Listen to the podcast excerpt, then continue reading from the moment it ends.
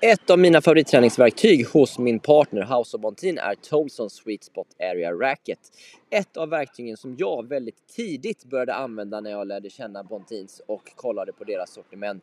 Jag har använt det med både spelare av en högre spelnivå och spelare med en lite lägre spelnivå. Och glöm inte att ni har 15% rabatt på hela House of Bontins sortiment med koden LINUS förutom på redan nedsatta priser eller slingerbag. Så Tolson Sweet Spot Aero Racket för att verkligen träna på att träffa just i din sweet spot. Jag rekommenderar det skarpt.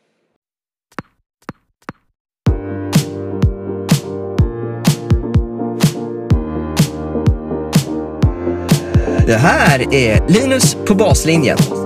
En podcast om och för svensk tennis.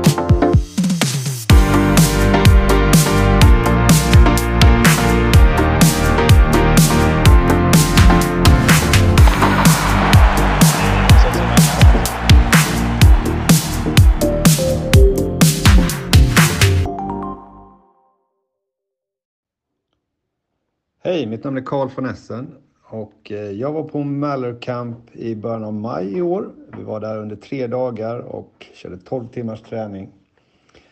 Jag måste säga att tränarna Antonio och Greg är fantastiska. Kommer med nya infallsvinklar på mitt spel, bättre tips och i stora hela fantastiska människor. Kan varmt rekommendera att åka dit. Jag kommer att återvända.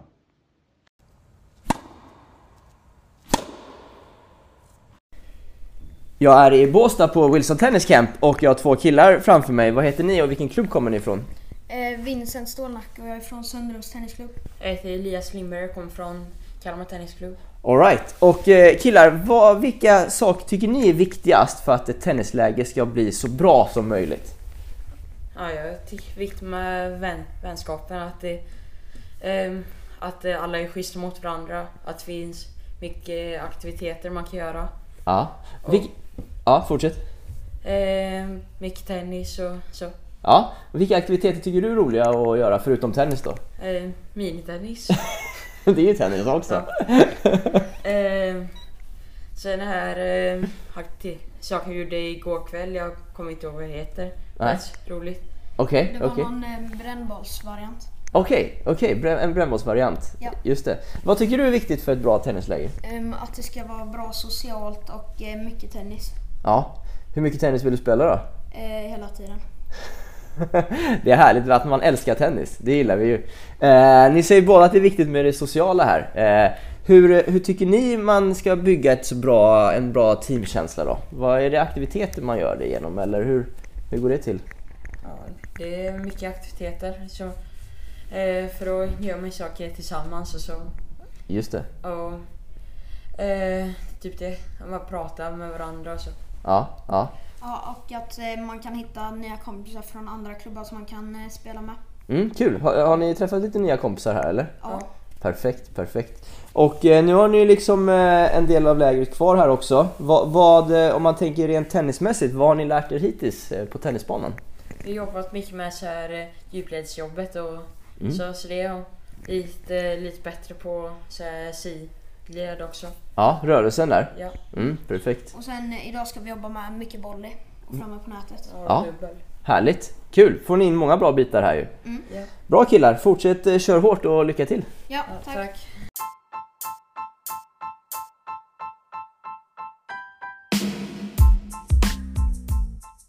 Tror det eller ej, men du har precis satt på ett helt nytt avsnitt av Linus på baslinjen podcast med mig, Linus Eriksson. Och idag samtalar jag med Marcus Norman, sportchef på Svenska Golfförbundet. Han har suttit där sedan slutet av 2019 dit Marcus kom efter en tjänst som verksamhetsområdeschef på Bosön och dessförinnan var han generalsekreterare på Svenska bandyförbundet. Det finns alltså mycket kompetens i det här samtalet och vi kom in på flera intressanta ämnen som bland annat likheter och skillnader i hur man arbetar inom golfen jämfört med tennisen, hur man arbetar med spelarutveckling i golfen och den strukturen, Golfförbundets roll i en spelares satsning, hur man hjälper sina college-spelare i USA, tränar och ledarfrågan inom golfen, klubbarnas förtroende för förbundet och hur man skapar ett förtroende, hur man ser på att nå medlemmar i alla samhällsklasser, vi pratar om ifall förebilder och elitframgångar är viktiga, samt jämlikhet inom golfen. Eller jämlikheten kanske man säger. Vill ni stötta podden så tas all hjälp tacksamt emot via Patreon eller Swish. Ni hittar eh, informationen i avsnittsbeskrivningen. Nu, Marcus Norman, välkommen! Då har jag den stora glädjen att få hälsa Marcus Norman välkommen till podcasten. Tack så hjärtligt.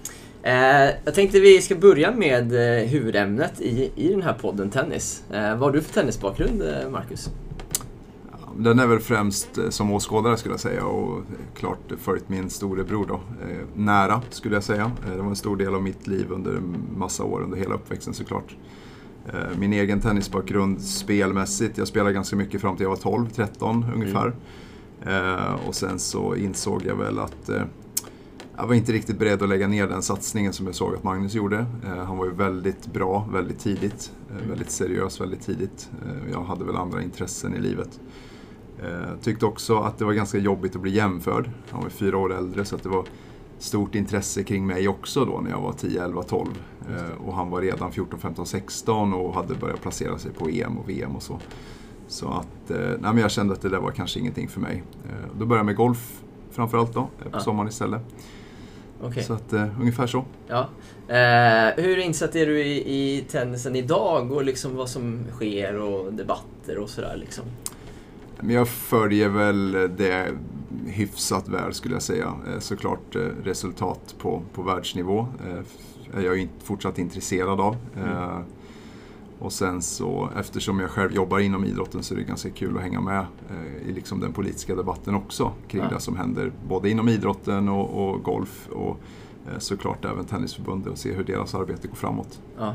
Hur mycket kontakt har man med andra personer i andra idrotter i liknande roller som, som den du har nu till exempel?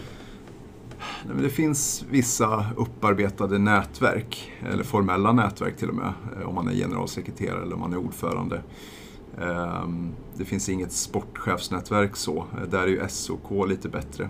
Eh, Så, så de kallar in till en, en del sådana träffar. Annars är det ganska mycket upp till, eh, till person sådär. Att jag vet att jag lirar med vissa eh, som jag tycker att jag får bra sparring eller bra utbyte av eller mot. Ehm, så att det kokar det mera ner till att det är bra personer, att de kommer från speciella idrotter. Så. Okej. Vi sitter i Idrottens hus nu eh, och jag vet att det är en stor poäng för Golfförbundet när de flyttade till eh, Idrottens hus eh, 2016 var ju att få mera utbyte eh, med andra idrotter. Så, men det har inte riktigt blivit av. Man har inte tid till det i vardagen. Man springer ju runt här och ibland så morsar man på någon när man går på lunch och där. Men inte så att man står och hänger vid varandras skrivbord och byter idéer. Nej. Eh, Men utan- handlar det om att man inte prioriterar det? Eller är det att man inte har tiden? Eller inte finns det utbudet? Nej, men som när jag har tid så är det inte säkert att den jag söker upp har tid. Nej, det kan bli ett otroligt stressmoment. Om det kommer någon och frågar liksom, hur ser er spelarutvecklingstrappa ut? och så sitter den liksom i budgettider och, och har en styrelse som, som står och stampar i bakgrunden. Nej, men så funkar det ju inte riktigt. Däremot är det såklart mycket enklare att boka ett möte och Mm. fråga har du någon tid nästa vecka eller kan vi käka lunch eller kan jag komma ner till Ja. dig på torsdag förmiddag? Ja, just det. Sådär. Så jag vet i min gamla roll när jag jobbade på bandyförbundet så, så eh, hade vi väl en del benchmarks sådär kring ehm, ja, men vad, vad är nivåer på domararvoden till exempel. Det kunde man stämma av med basket och handboll. Så, Okej. Bara för att se om, om man ligger rätt Ja. eller om man ligger för lågt. Ja. Eh, Vi hade ett utbyte i januari faktiskt med Tennisförbundet eh, där vi pratade lite grann om tävlingsutläggning. Mm. En fråga som varit stor i golfen här senaste 3-4 åren och varit till och med föremål för motioner på vår förbundsstämma. Okej. Där vi ser att vissa golfklubbar inte längre tar emot förbundstävlingar för man tycker att eh, det är för stort intäktstapp. Aha. Ehm, Och den ersättning som vi erbjuder tycker de då följaktligen är för låg. Okej. Där hade vi ett litet utbyte med Tennisförbundet liksom, för att vi tänker att ja, men det, det är många strukturer mellan golfen och tennisen som är ganska lika. Så att vi ville se om, om de hade samma utmaningar och hur de tänkte för att få ut liksom allt från juniortävlingar till sommartour och vintertour och, och så. Okej. Så det, var, det var en bra, en bra halvdag så liksom. eh, Ja. Där vi fick lite inspel som vi faktiskt har tagit vidare också och försökt att jobba med. Då. Det var Mm. vi som bad om det eh, mötet så att det var mer vi som ställde frågor till Tennisförbundet än vice versa. Okej, man säga. För, för du är sportchef idag på Svenska Golfförbundet va? Ja. Ja. Eh, ty, ty, hur mycket tycker du finns det mycket man kan jämföra golfen med tennisen? Eller hur lika är det liksom, är, är din bild? Golfen är ganska unik på många sätt. Jag menar, vi äger ju våra anläggningar. Eh, Alla golfklubbar äger sina anläggningar. Det finns ingen kommunal golfbana i Sverige. Vilket gör att man har en väldigt tung balansräkning. Vilket gör att ekonomin för klubben blir väldigt framträdande. Det är väldigt mycket diskussioner om ekonomi på styrelsen och klubbchefens bord snarare än sportslig framgång. Och glädjen med idrotten och glädjen med golfen. Mm. Ehm, Så det är väl det ena. Ehm, Vi kommer ju också från en tradition där vi har många anställda personer. Eh, Man har en anställd barnchef på de allra flesta ställen, man har en anställd klubbchef på, på många ställen. Mm. Och man har en anställd tränare på, på eh, skulle jag säga, en majoritet av alla klubbar. Vilket gör att det är en väldigt, eh, vad ska jag säga, det är, en- det är väldigt mycket kommersiella förtecken även ute på, på klubbnivå. Okej. Så jag brukar säga att golfen är på väg från att vara ett, ett, ett, ett kommersiellt, ett professionellt, en professionell företeelse till att vi försöker söka mera idealitet på något sätt. Alltså det är inte så vanligt att man är ideell. Man får inte frågan som förälder eller som, som, som någon annan vuxen på golfklubben om man har lust att hjälpa till i idrottsverksamheten. Utan allting sköts av anställda personer. Okej. Och nästan resten av idrotts, nästan hela idrottsrörelsen är på väg åt det andra hållet. Det vill säga att man kommer från en ideell värld och man i princip drömmer om att någon gång få anställa sin första tränare. Eller tänk om vi kunde få ha en kansliperson på 50% så att vi slapp jobba med allt det administrativa. Ja. Eh, Så golfen sticker ut på ganska många, på många olika sätt. Så. då. Eh, Är sen det positivt eller? Ja, men det finns fördelar och nackdelar med allt såklart. Eh, nå- Ett annat område där vi sticker det är att vi är ju en traditionell vuxenidrott. Ja. Så 90% av alla våra vuxna, eller alla våra golfspelare är ju 22 år eller äldre. Okej, är det sant? Okej. Så att när vi är i idrottssammanhang och pratar om det här att vi ska gå från triangel till rektangel. Så, så det är ju liksom ingen fråga i våran värld. Utan för varje man kan ju säga att man pratar alltid om en pyramid och att man ska ha en bred rekrytering för att man ska nå ett bra A-lag Mm. eh, i princip. Du ska Ja. börja med skridskoskolan och sen får du spela i vårt representationslag. Det är liksom själva tanken bakom Ja. en föreningsstruktur. Men i golf är det ju precis tvärtom för att för varje år som går så fyller man ju på med fler medlemmar i varje ålderskull. Ja. Så om vi tar Okej. de som är födda som jag nu, jag är född 1980. Så antalet personer födda 1980 i golfen har aldrig varit fler idag. ja, jag förstår. Så de Okej. var ju färre när de var, eller när vi var 8 år, 10 år, 12 år, Ja. 14 år. För vi har liksom ingen drop-off. Ja, just det. Utan har man börjat med golf så fortsätter man på golf och sen så tilltar det hela tiden. Tonåringar och yngre vuxna och vuxna och äldre som hittar till golfen. Men då är det ju en väldigt stor motionsidrott. Eller för mig, om du börjar med golf liksom i din ålder nu så här, det är ju inte så stor chans att du kommer bli elitidrottare då, eller? Nej, och det är ju här som vi har en del konflikter, eller en del utmaningar. Ehm, såklart, för det blir ju ibland att, att eh, tävlingsidrotten och prestationsidrotten golf, eh, att den hamnar lite grann i skymundan. För att det stora flertalet medlemmar är bara måna om sin egen golf. Och man ser det som sin absolut största passion i livet förvisso. Men man ser inte att man är man identifierar sig inte riktigt som idrottare. Utan Nej. det är ju det är en passion där du lägger din, som du lägger mycket av din tid och mycket Ja. av din plånbok också på. Ja, just det. Men, men, är, men är det viktigt för er som golfförbund att det är en tävlingsidrott också? Ja men det är det. Vi tycker ju att det, att det på något sätt att, att det skulle ju saknas en pusselbit om Golfförbundet inte jobbar med elitidrott. Men det känns det som. Ja, och om vi inte var de som måna om bra barn och ungdomsverksamhet, liksom en bra tävlingstrappa, en bra spelarutvecklingstrappa. Om det inte vi gav det stödet så skulle vi på något sätt tappa vår legitimitet som medlem i Riksidrottsförbundet. Ehm, Då skulle vi bli som ett Rotary med en gräsmatta utanför. Och det är vi ju inte intresserade av. Det är jättekul och fint att, att det finns också, men på något sätt så är ju våran pulsåder är ju ändå eh, idrotten golf Ja. på något sätt. Det är där vi samlas kring och det är det som skapar legitimitet för, för det förbund vi är Just det. på något sätt. Ja, men i din roll som sportchef, vad, hur mycket är liksom vad är det för uppgifter du jobbar med? Är det mycket, är det mycket spelarutveckling liksom, eller är det mer motionsfrågor? Eller vad, vad ligger på ditt bord? Nej, men vi fokuserar ju i, i allra eh, högsta grad, eller i, vi lägger majoriteten av våran tid på, eh, på det som är resan från barn till elit. Mm. Eh, Vi lägger mycket resurser och mycket tid på det, för vi tycker att det är få andra som gör det. Ehm, det an, den andra delen, motionsdelen, den kan man ju på något sätt lite grann ta för givet.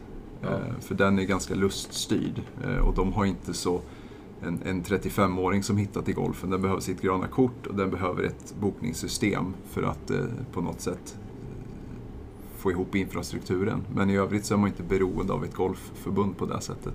Mm. Så vi lägger mycket tid och resurser på, på, på frågan om hur vi ska fostra spelare eh, som tar plats i Ryder Cup och Solen Cup.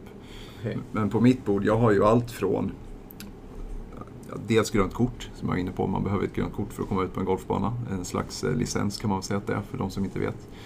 Eh, sen är det våra spelregler. Eh, sen är det vår banvärdering, det är hela vårt handikappsystem. Så alla de här regelverken som på något sätt statuerar att vi är en idrott, det ligger på mitt bord. Sen har vi alla nationella tävlingar. Så från Teen Cup och Svenska Juniortouren. Då är man från 13 år till 21 år. Eh, det ligger hos oss och sen är alla våra proffstävlingar. Och då har vi dels en egen proffstour för herrar och damer och sen så gör vi några internationella tävlingar också. Vi brukar söka eh, ett EM varje år, antingen individuellt eller i lag. Mm. Och sen så har vi ju då eh, upp till Challenge-touren Mm. på herrsidan och upp till damernas Europatour på damsidan. Mm. Så det är en ganska stor verksamhet. Eh, och sen så är det alla landslag då utöver det. Då har vi sju landslag som det är idag.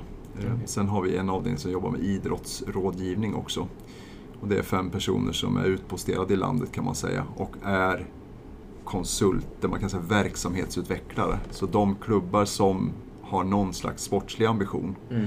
Oavsett om det handlar om att ha bättre nybörjarverksamhet, bättre barn och ungdomsverksamhet, ett rikare innehåll i verksamheten för vuxna, då kan man jobba processinriktat kan man säga Mm. med fem medarbetare från oss. Då. Okej, okej. Ganska mycket ändå. Ja, det är mycket. Alltså, hissversionen är att det är allt från grön kort till OS. Så allting som handlar om själva spelet golf Ja. eh, ligger hos mig då. Ja. Och då är det någonstans 25-26 medarbetare av de 65. Så att det är nästan hälften av förbundet det. som, som eh, ryms i mitt verksamhetsområde. Ja. Eh, det är ganska många anställda på Ja. Golfförbundet. Ja, Hur, hur kan ni ha det? Och varför är det så? ja, medlemmarna vill det. Det är ju medlemmarna som bestämmer. Ehm, och på något sätt så accepterar de att vi är så många från, från år till år. Eh, Ja. De tycker att verksamheten är bra, att de får ett bra stöd.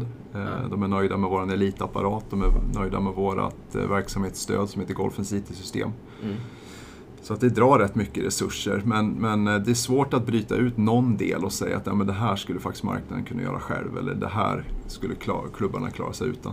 Mm. Det är inte så att eh, vi har någon klubb i Sverige som tar del av exakt allt som vi gör.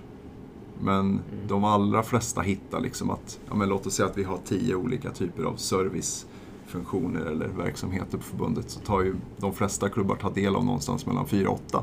Ja. Och då tycker man, ja men det, det, det är viktigt för oss. Ja, det. Eh, för det finns någon klubbchef i Abbekås som tycker att ja, men det är ganska schysst att förbundet har lagt 350 000 om året på att Maja Stark ska bli bra. Ja.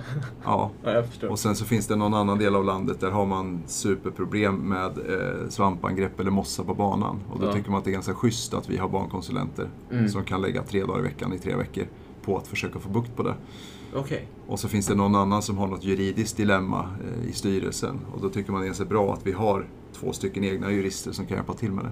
Det är otroligt bra ju. Så att det, är en, det är ju en kollektiv tanke. Ja. Eh, Man betalar x kronor per medlem eh, Ja. och sen så avropar man stöd när man behöver. Ja, just det. Sen är det ju några liksom historiska beslut också som har gjort att vi är, vi är stora.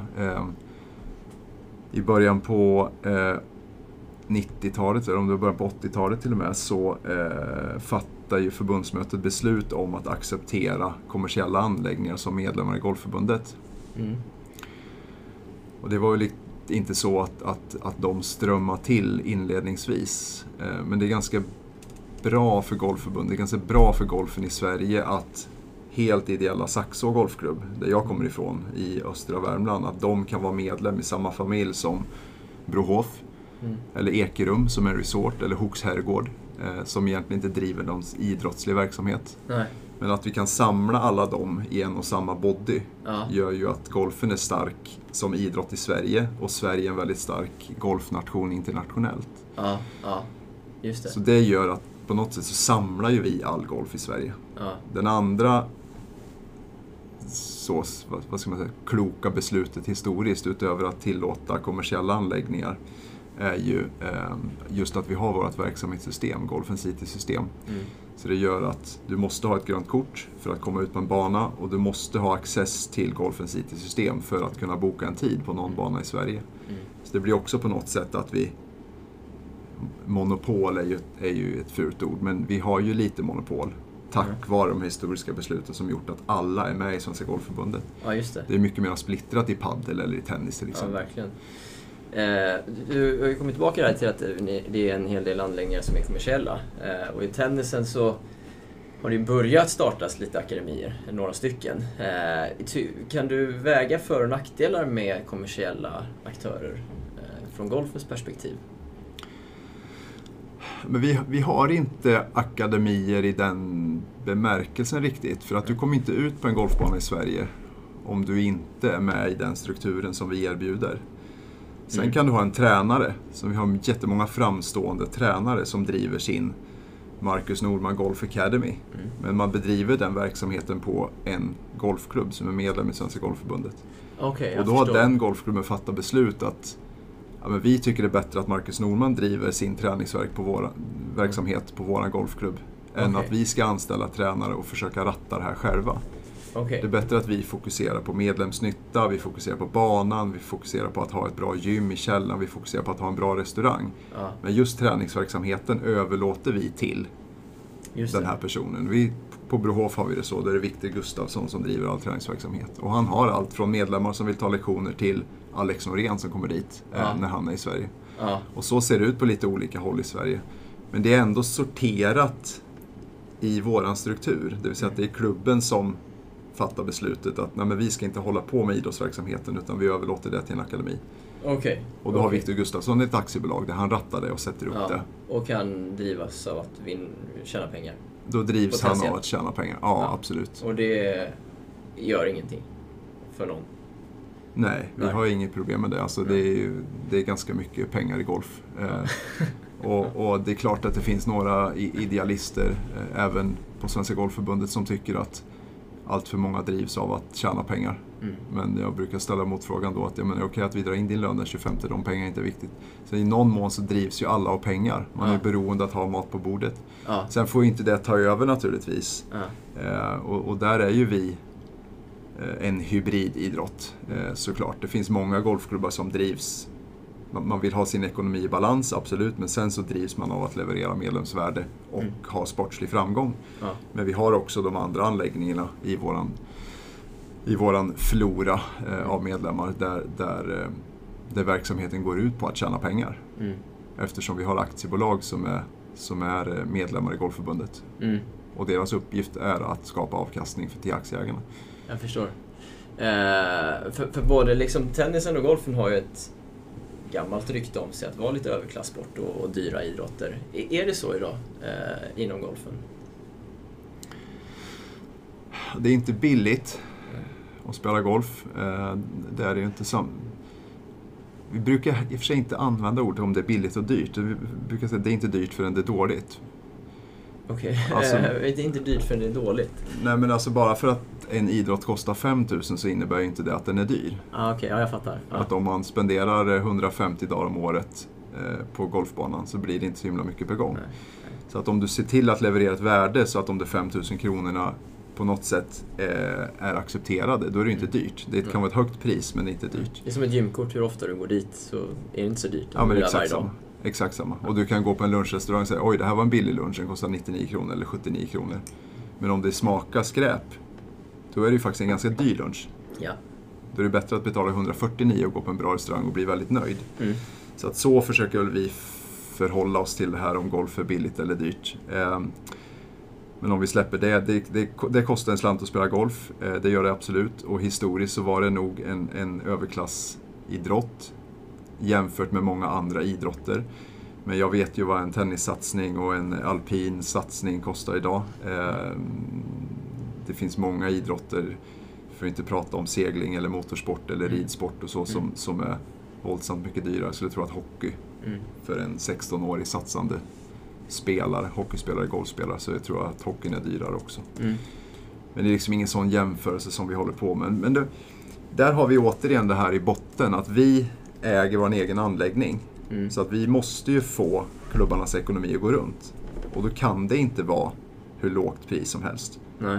Men, men att om du har... har tusen medlemmar på en golfklubb och det kostar 8 miljoner att driva runt banan. Ja men då, det, det, fin, det finns liksom ingen annan utväg än det är medlemmarna som betalar. Nej, jag fattar. Men, men är, är det, har ni medlemmar och spelare från alla samhällsklasser idag? från Ja, alla det har vi områden säkert. i landet? Liksom, så här. Ja, nej, inte i de här som kallas för utsatta områden. Eh, vad de nu är utsatta för. Det, det tror jag inte att vi har så många. Vill ni nå det, eller är det inte en viktig del för er? Vi diskuterade det lite grann internt faktiskt. Vår vision idag är världens bästa golf för alla. Men den är mer och mer ifrågasatt. Och vi För då är det ju för de områdena också. Ja. Ja, det är det. Men den är ganska ifrågasatt internt. För vi tycker att den är liksom en formulering som låter bra utåt men som är väldigt svår att uppnå. Eh, och vi bestämde i slutet på förra året, 2022, att inte bara omformulera vår vision utan försöka hitta en ny strategi mot 2031. Eh, Vi ska försöka lägga en sexårig strategi som vi ska slå fast vid förbundsmötet 2025. Men Ni har ett år längre än tennisen då på er, med den. Game Change 2030. Ja, jag vet inte när de Nej, det bestämde. tidigare. Det startade Ja, tidigare, ja. så den, den, den kanske var tioårig. Ja, det var Om jag får gissa när den Nio, bestämde. tio, ja. 9-10. Ja. Vi har sagt att vi ska ha en sexårig strategi. Och då kommer eh, väldigt mycket ifrågasättas då, inte minst eh, visionen. Och det, den, den, det, är, det är en liten vattendelare. Det finns många som tilltalas av det. Men det finns många också som tycker att den, den där ger mig ingen energi överhuvudtaget. Vad tycker du? Jag tycker att den är dålig. Eh, jag skulle aldrig rekommendera en golfklubb som är i behov av 10% fler medlemmar att åka till ett höghusområde Mm. eh, och försöka rekrytera golfspelare där man inte har någon föreningskultur, där man inte har någon eh, erfarenhet av golf eh, och där man kanske har föräldrar som inte ens har bil och kan ta sig till golfbanan. Då tycker jag att det låter som en utopi. Jag skulle mycket hellre se att den klubben åker till ett villaområde eh, där föräldrarna kanske bor ihop fortfarande och man åtminstone har en bil. Båda föräldrarna jobbar. Där tror jag att vi har större möjlighet att nå framtidens golfspelare. Okej. Men de kan ju också växa upp i ett utsatt område. Den där supertalangen, inom citattecken. Ja, det är du menar klart. att de men- inte har förutsättningar ändå att nå hela vägen? Ja, det har de absolut, men det blir lite grann så här att, att, att leta når i en höstack. För då har vi också återigen det här emot oss, att vi letar ju liksom inte individer som ska bli bra på golf, utan i första hand så vill ju vi att klubbarna ska ha eh, en tillräcklig mängd juniorer i sin verksamhet. Så att klubben över tid har stabila medlemstal. Mm. För den dag som klubben inte längre har 800 medlemmar, om det är det som behövs, eller 1200 medlemmar om det är det som behövs, då hamnar ju föreningen på obestånd. Och då spelar det ingen roll att man har en supertalang som springer runt på övningsområdet. Mm. Så att vi har hela tiden det här liksom individ och kollektivperspektivet när vi tittar på klubben. Okej, okej. Och den stora frågan för en golfklubb idag är hur ska vi få ihop ekonomin? För kostnaderna skenar eh, och betalningsviljan hos medlemmarna är ju inte liksom direkt då, men vi tar gärna 30% högre medlemsavgift. Mm. Och då blir marginalerna ganska små eh, och då handlar det om att rekrytera fler medlemmar. Mm. Allra helst tycker vi då att man ska rekrytera juniorer så att man liksom över tid har ett stabilt inflöde av vuxna medlemmar. Mm. Mm. Och, och då blir det, ham- hamnar klubben i en situation där man känner nu måste vi lösa det på tre års sikt. Då, då är ju vår rekommendation att man på något sätt försöker ta de lägst hängande frukterna först. Och då är ju det oftast att pappan i familjen tar med sig sin fru. Eller att pappan i familjen tar med sig sina barn. För det är Ja. oftast pappan som spelar golf. Det är en ganska det. mansdominerad idrott. Just det. Det ligger närmare till hands att de Ja. familjemedlemmarna börjar med golf. Ja. Men, men ni rekommenderar som förbund liksom inte klubbarna att jobba mer med juniorrekrytering eller? Att få in yngre barn in i verksamheten? För jag tänker att det ger ju också större möjlighet att de börjar tävla och det blir representanter för idrotten i längden. Ja, men vi, vi, vi drivs väldigt mycket av det. Ja. Eh, absolut. Vi vill att fler klubbar bedriver bättre verksamhet, har en bättre rekrytering, bättre omhändertagande, har ett liksom bredare erbjudande än att man bara spelar golf 50 minuter i veckan på söndagar. Det blir väldigt sällan golfspelare av det. Samtidigt så är klubbarna, klubbarna har inte möjlighet ibland att vara lika långsiktiga som vi är. Men är det ett problem för golfen då? Nej, det tror jag faktiskt inte. Eller jag tror tyvärr inte det. Eh, För att jag har hört att man har pratat om den här frågan i 30-40 år. Att det måste bli fler juniorer i golfen, annars kommer golfen dö ut. Ja. Samtidigt så har ju liksom medlemsutvecklingen visat att det, det strömmar ju till hela tiden vuxna medlemmar. Ja. Så att frågan är hur stort problem det egentligen är. Sen kan det ju vara så att man på den lokala orten på något sätt känner att vi vill driva en bra juniorverksamhet därför att vi vill ha legitimitet som idrott, som idrottsförening i den här liksom lokala kontexten. Mm. Vi vill ha en relation med de andra idrotterna, vi vill ha en relation med kommunen. Vi vill att de som upplåter marken ska tycka att det här är en bra verksamhet. Vi vill inte att vårt arrende ska ifrågasätta bara för att det här är någon gubbklubb där man springer runt och spelar golf. Eh, så, så det kan ju finnas många andra värden att driva en bra ungdoms och juniorverksamhet än att på just våran klubb ska vi fostra framtidens Lindgrant eller Maja Stark. Just det. Jag förstår. Den, den, den, eh, den visionen är ju väldigt, väldigt få golfklubbar som har. Okej. Utan målet ligger ju liksom mycket, mycket närmre eh, en själv. Ja, jag förstår. Sen råkar det bli så att jag menar, Maja Stark kommer från Abbekås och Lindgrant från Rya. Men ingen för 15 år sedan hade ju kunnat säga att ja, men här, här, här ska vi verkligen fostra nästa världsstjärna på damsidan. Nej, Utan okej. de, de är ju mer som asfaltsblommor, de, de dyker upp lite här och var. Men det är ju större sannolikhet att de kommer från en golfklubb där man har många barn som tränar och tävlar och sparrar tillsammans än att man är ensam.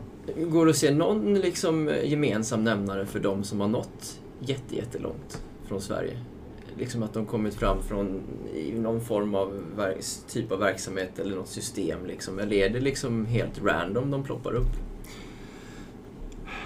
inte helt random. Jag, våra coacher brukar säga att det, det är ju överrepresentation på sådana som har en väldigt bra storebror eller stora syster.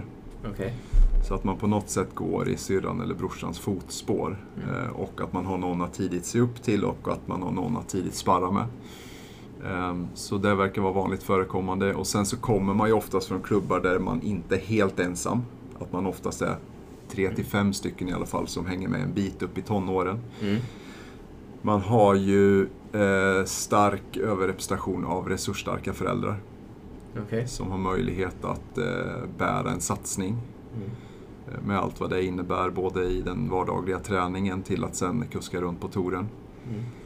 Ehm, kommer väl företrädesvis från södra Sverige såklart, där är ju golfkulturen starkare och säsongen längre. Mm. Ehm, så, ja, ungefär så är det. väl. Hur, hur mycket resurser lägger ni på just ut, spelarutvecklingen eller elit, mot elitdelen från förbundets håll? Hur ser det programmet ut för, från er sida? Nej, men allt som, all verksamhet som, som har som ett av syftena att fostra framtida världsstjärnor, eh, den är ganska stor. För det är liksom all vår tävlingsverksamhet. Mm. Eh, och det är allt det som vi kallar för spelarutveckling. Eh, det är alla våra golfgymnasier, eh, det är hela vår landslagsverksamhet. Den omsätter ungefär 70 miljoner kronor.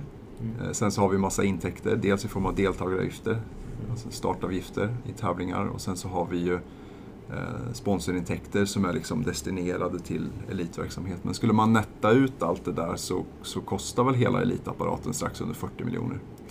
Okej. Och då är det våra landslag, de sju som vi har, eh, det är alla lönekostnader, eh, det är alla, eh, all central subvention av tävlingsverksamheten. Mm. Och sen så är det det klubbstödet då som vi erbjuder. Idrottsrådgivning, den konsultbusinessen som jag pratade om. Okej, vad innebär det i kort? Ja, men vi har fem personer utposterade i landet, Ja. eh, från norr till söder, som hjälper klubbarna som vill på något sätt få ordning på sin idrottsverksamhet. Att man kanske har en ambition att ha ett bättre juniorverksamhet, bättre rekrytering, bättre Ja. omhändertagande. Ja. Alltså ett, ett rikt, rikare innehåll i sin verksamhet än att Mm. bara erbjuda grönt kort, starttider, golfbana. Ja. Ehm, och de, de driver ju väldigt sällan, skulle jag i och för sig säga, processer som handlar om att vi ska fostra bättre elit. Utan det handlar väldigt mycket om att rekrytera och behålla eh, medlemmar. Okej, okej. Men vi brukar ändå baka in det när vi pratar om liksom hela elitapparaten. För då är det från gräsrot till, till OS. Okej, okej. Och vad stödjer ni mer konkret liksom en 16-åring med i den satsning? Om den ligger liksom bland de bättre i landet? Bortsett från tävling då, så är den första kontakten man får med våra landslag, det kallas för Supercamp. Mm. Det är 200 barn, är det ju, 13 till 15 Mm. eh, varje år som får chansen. Man får sju dagar tillsammans med antingen en befintlig landslagscoach eller någon som vi på något sätt har utsett eller certifierat. Mm. Eh, och då genomför, genomför man det på ett antal olika platser i landet. Och då får man för första gången någon slags känsla för vad det innebär att göra en satsning mot att bli en duktig golfspelare. Okej. Träningen på klubben handlar ganska ofta om eh, teknik, det vill säga man står på rangen eller man står på, på övningsgreen. Men en satsning mot världseliten är ju så mycket mer än så. Det är ju mentalt och det är taktiskt och det är eh, hela den fysiska biten. Så, Mm. så att då försöker, försöker vi ge dem en liten duvning i det. Och då får man sju dagar per år, när man är 13, 14, 15. Okej. Det är 200 barn ungefär. Och det är våra distrikt som tar ut det. Ja. Så det är liksom vår första scoutingverksamhet eller selekteringsverksamhet kan man säga. Men det är också för att vi ska kunna göra alltså, regelrätta uttagningar till våra riksidrottsgymnasier. Mm. För sen när man är 15-16 så blir man uttagen dit. Mhm. Och för att vi ska ha koll på vilka det är som kommer från 13, 14, 15 så vill vi ha den verksamheten. Mm. Så att coacherna tillsammans kan göra en rimlig bedömning av vilka är det som har rätt attityd och rätt förutsättningar och rätt ambitioner för att vi ska ta in dem i riksidrottsgymnasieapparaten. För det är givet att man vill gå ett riksidrottsgymnasium eller? Om man satsar på sin golf. Ja, det är ju huggsexa om de platserna. Eh, Okej. Det är det definitivt. Och vi ser att den, för att inte säga alla, eh, så kommer man ju från ett golfgymnasium idag. Det finns några klubbar som driver riktigt bra niun, Mm. eh, som då inte är RIG. Finns på ett par, tre platser i landet där de spelarna som kommer från den klubben hellre stannar kvar i klubbmiljön och går nio än att Okej. flytta till ett RIG. Ja. Men de är kvalitetsmässigt ungefär de samma. Så vi Okej. ser liksom inte att det är någon prestigeförlust på något sätt. Utan du får lika bra träning och lika mycket träning där som om du går i ett RIG. Okej, okej, okej. Ehm, och där är man ju då mellan man är 16 och 19. Ehm, vårt första landslag är från 16 år kan man säga. Så när man är 16, 17, 18 då spelar man i pojklandslag eller flicklandslag. Okej, Vad finns tidigare? Ja, det finns inga tävlingar tidigare. Okej. kan man säga. Ehm, och golf är ju en idrott där du blommar lite, lite senare. Mm. Vilket innebär att det finns inte någon anledning heller att sitta och välja ut fem stycken 14-åringar, fem stycken 13-åringar. Ja. För att vi har liksom inte den pricksäkerheten Okej. Eh, så tidigt. Ludvig Åberg som är i ropet idag, eh, det är ju fredag i Ryder Cup när vi pratar om det här, så, så han kom inte in på Riksidrottsgymnasiet sitt första år. Okej. Så valde att gå ett extra år eh, på gymnasiet i Eslöv där han kommer ifrån. Sen Ja. sökte han år två istället och kom in. Okej. Så han var inte topp 6 i landet och kom inte in på gymnasiet i Helsingborg. Nej, jag förstår. Och skulle vi liksom då redan där på något sätt säga att ja, men, du kommer inte bli bra på golf när han Mm. är 16 år. Mm. Att, att, då ta ut ett landslag när man är 13, det blir, det blir liksom alldeles för stor, stor osäkerhet. Ja, jag förstår. Intressant. Men sen hela den, den, den, så som golfen är strukturerad i Europa, eh, det är ju först och främst där vi tävlar, eh, så finns det inte tävlingar Nej, för okej. under 16 utan det är pojk och flicknivån som är den första.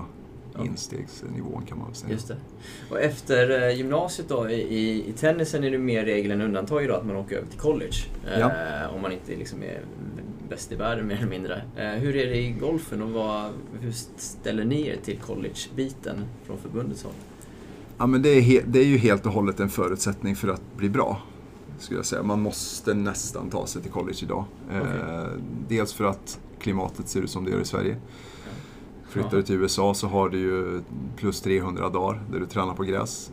Och sen så har du någonstans mellan 10 och 15 tävlingar eh, som colleget erbjuder Mm. på vintertid. Och det kan du aldrig få till på något strukturerat sätt i Europa. Eh, Definitivt inte i Sverige.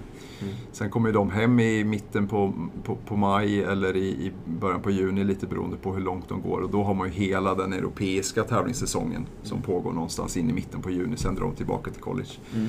Så vi är helt beroende av college som en extremt viktig pusselbit från att man är 19 till 23 eller 19 till 24. Okej. Eh, annars blir satsningen från Sverige blir snabbt väldigt ensam och, och snabbt ganska fattig Okej. på något sätt. De som inte vill till college då? Eller alla vill det? Eller det är ingen som liksom, "Ja, men jag skulle hellre vilja satsa vidare på svensk mark för jag vill bo hemma. Mm. Ja, men det har blivit en kultur att de flesta vill. Eh, för att man ser att alla förebilder har varit där och, och de allra flesta som har lyckats har varit där. Mm. Sen finns det vissa som av olika anledningar eh, tycker att det där passar inte riktigt mig. Eh, och då kan man göra en satsning från, från Sverige. Dels så har vi ett samarbete med Halmstad högskola. Någonting som vi kallar för SGF Elitmiljö Halmstad. Okej. Där tar vi in eh, ett antal elever varje år. Eh, några av våra coacher är där som, som eh, tränare i vardagen. Och sen så läser man ett program på, på, på deltid på Halmstad högskola för att man ska kunna hålla liv i sin satsning. Eh, Och det passar jättebra för, för de som går där. Det som blir bristen är ju att man inte får tillräckligt tävlingserfarenhet på hela vinterhalvåret. Utan det blir väldigt mycket träning, alltså grundträning. Mm. Mycket fys, mycket teknik. Mm. Eh, väldigt, mycket, väldigt lite eh, ja, sparring och, och, och tävlingsutbyte. Mm. Det är intressant ändå att ni, ni liksom, ert system bygger då på att ni släpper spelarutvecklingen till skolor i USA egentligen. Ja, fast vi gör inte det där riktigt. För att tillbaka till landslaget då. I landslaget så är man 16, 17, 18 år. Sen när man fyller 19 så är man inte längre pojke eller flicka. Utan då är man amatör. Ja. Vi har ju fortfarande amatörregler i golf. Så Mm. det är ungefär som, vad ska man säga, U23, enkelt, enkelt uttryckt. Eh, och då har ju vi eh, amatörcoacher. ja. Och de lägger ju en del av sitt år i USA på vintern. Okej. Så att de, de spelare som är truppspelare får ju någonstans mellan ett och fyra besök av sin landslagscoach under collegeåret. Okej. Och sen så har vi oftast två samlingar också. Ett, en, ett enveckasläger i samband med Thanksgiving, eh, då när det är röd dag i, i USA. Då brukar vi samla alla de bästa amatörerna på ett och samma ställe. Ja. Så då flyger vi över med våran stab och sen så flyger vi in alla spelare. Ja. Eh, Oftast till Florida eller till Scottsdale någonstans där, där det är varmt. Och samma brukar vi göra i januari. Då samlar vi alla proffs på damsidan och då passar vi på att flyga in alla amatörer också. Och då gör vi en samling där för 20-25 spelare. Så istället för att de tar sig till Sverige så är vi kvar och stöttar dem i USA. Jaha, okej. Okej. Och det är för att vi ska ha dels koll på dem. Eh, Vi tycker att i, i många fall så tycker vi att vi har lite bättre eh, koll på långsiktigheten. Mm, mm. Eh, Vi, vi har också lite bättre, tycker vi, koll på vad respektive individ behöver för att kunna ta nästa steg. Att gå Mm. från den trygga collegemiljön och vara amatör till att konvertera till proffs Mm. för att försöka kvala i USA eller försöka kvala i Europa. Och hela den karriärrådgivningen och karriärplaneringen brukar inte collegecoacherna ta så mycket ansvar för. Nej. Utan då håller vi liv i relationen med spelarna under amatörtiden och under collegetiden. Okej. För att kunna ta vid då den dagen som de väljer att bli proffs. Snyggt. Sen är de ju i våra händer under hela sommaren. Mm. Som jag sa, de kommer ju hem i juni. Så juni, juli, augusti så spelar ju de för Swedish Golf Team. Ja, okej. Okej. Ja. Tennisen släpper ju oftast alla bara vind för våg när de börjar på college, är min bild. Ja, Eh, Jag vet inte om vi har en fördel där i golfen då, att man... man eh, jag menar, Ludde är 24 nu, han blev proffs för, för bara några månader sedan. ja. Eh, Så han har ju gått klart hela sin högskoleutbildning. Och han har ju, det är många som har varit på honom om att han borde ha blivit proffs för ett år sedan, två år sedan eller tre år sedan. Men han har ju själv inte tyckt att han är tillräckligt bra på golf. Okej. Och då tycker han att han utvecklas bättre i collegemiljön där han får spela väldigt mycket tävlingar och träna otroligt mycket i lite, Ja. lite, lite skyddad verkstad. Ja. Innan han tar klivet och blir proffs. Ja, ja, visst. Jag är med. Men så kanske man inte kan tänka i tennis. Jag, jag har, där, har jag, där har jag alldeles för, för, för dålig koll. Förutom att man kan notera att eh, de här tre giganterna, eh, Federer och Djokovic och Nadal, de är ju ganska gamla. Ja, Och Absolut. så var det ju inte förr. Eh, jag Nej. menar Edberg slutade 96, då var han 30. Mm. Eh, Nej, och har han slutade ju självmant. Han Mm. slutade inte för att han var skadad. Nej, precis. Så det precis. har gått upp lite grann. Så det är möjligt att man kan tänka lite mer långsiktigt eh, tidigt i tennis också. Men det, det kan jag för lite om för att, för att uttala mig om tror jag. Ja, Men så tänker vi i alla fall. Mm. Mm. Spännande. Ja, men du kan ju vara riktigt kompetitiv på världsnivå tills du fyller 40 i golf. Ja. Och då finns det ingen anledning att eh, stressa igenom någonting när man är 21, 22, 23. Nej, Utan det är bättre att ha. Mm. Då har du dessutom en universitetsexamen i, i bagaget. Liksom. Ja, om men du skulle få en skada. Eller. Hur viktigt är det för svensk golf med liksom spelare i världseliten? Med förebilder på det sättet? Ja, men det är ett legitimitetsskär för oss, tycker vi. Det är på något sätt det, är det som är pulsådern till att vi är en idrott och att vi är medlem i RF. Eh, och i grund och botten så, så är det ju... Eh, ja, vad skulle jag säga man är? I grund och botten är det vadå? det här får du klippa bort. Eh, nej, men det är inte viktigt, eh, det är inte viktigt för alla. Så det kan man konstatera. Alltså, för det är väldigt många som är sin egen klubb närmst och att det är en bra eh, bana. Mm. Och att man har hög tillgänglighet till sin bana och sina träningsområden. Mm. Ehm, men det finns ju ganska mycket forskning på det där och det är inte så att Ludvig Åberg kommer att göra att det blir många fler golfare i Sverige. Inte? Att, nej. Däremot så är alla som redan har valt golf Tycker det är häftigt. tycker att det är häftigt. Man känner ju en stolthet av att det går bra för en svensk. Och förra Okej. veckan hade vi fem svenskor eh, i Solheim Cup.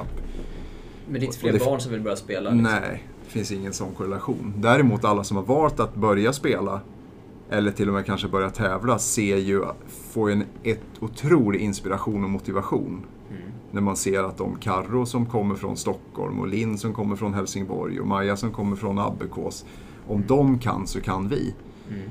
Och vi har ganska bra access. Tack vare att vi har bra relation med alla spelare så ställer de oftast upp om de kan. Mm. Att komma till våra läger eller komma till en tävling eller komma till någon träff som vi har och berätta om sin resa i golfen. Mm. Mm. Och bara den synligheten som de gör, eller ger, gör ju att det är många som på något sätt förlänger sin satsning eller bestämmer sig för att ja, men golfen ska bli min första idrott. Mm. För jag tyckte Linn var jäkligt cool eller jag tyckte Ludde slog jäkligt långt.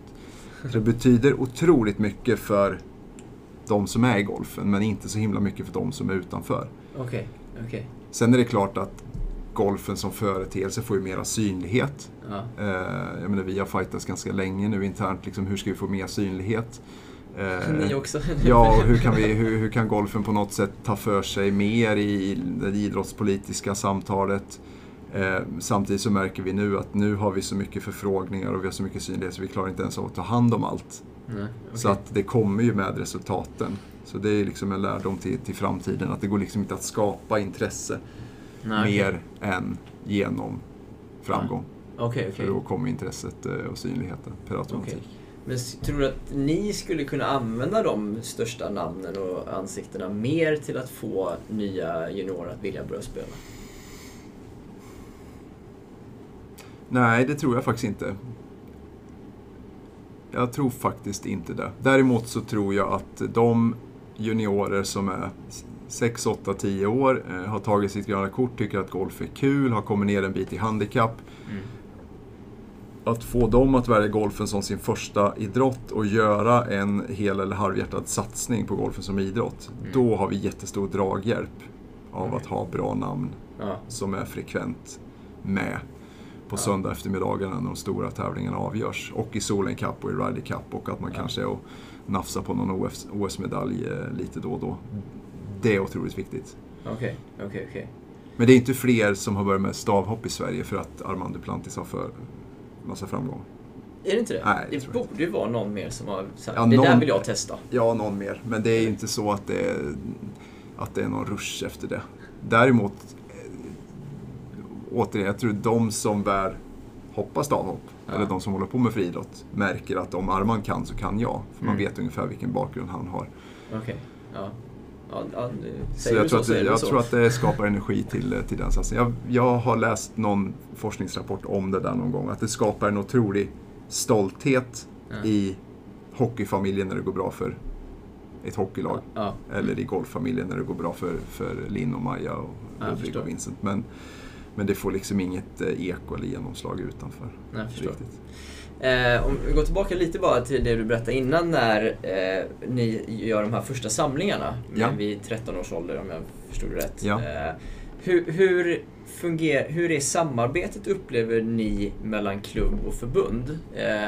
Fungerar det alltid bra eller kan det bli en form av diskussion att nu kommer förbundet och vill börja ta över här? Eh, som det kan bli ibland i tennisen upplever jag. Mm. Eh, hur, hur upplever du den frågan hos er?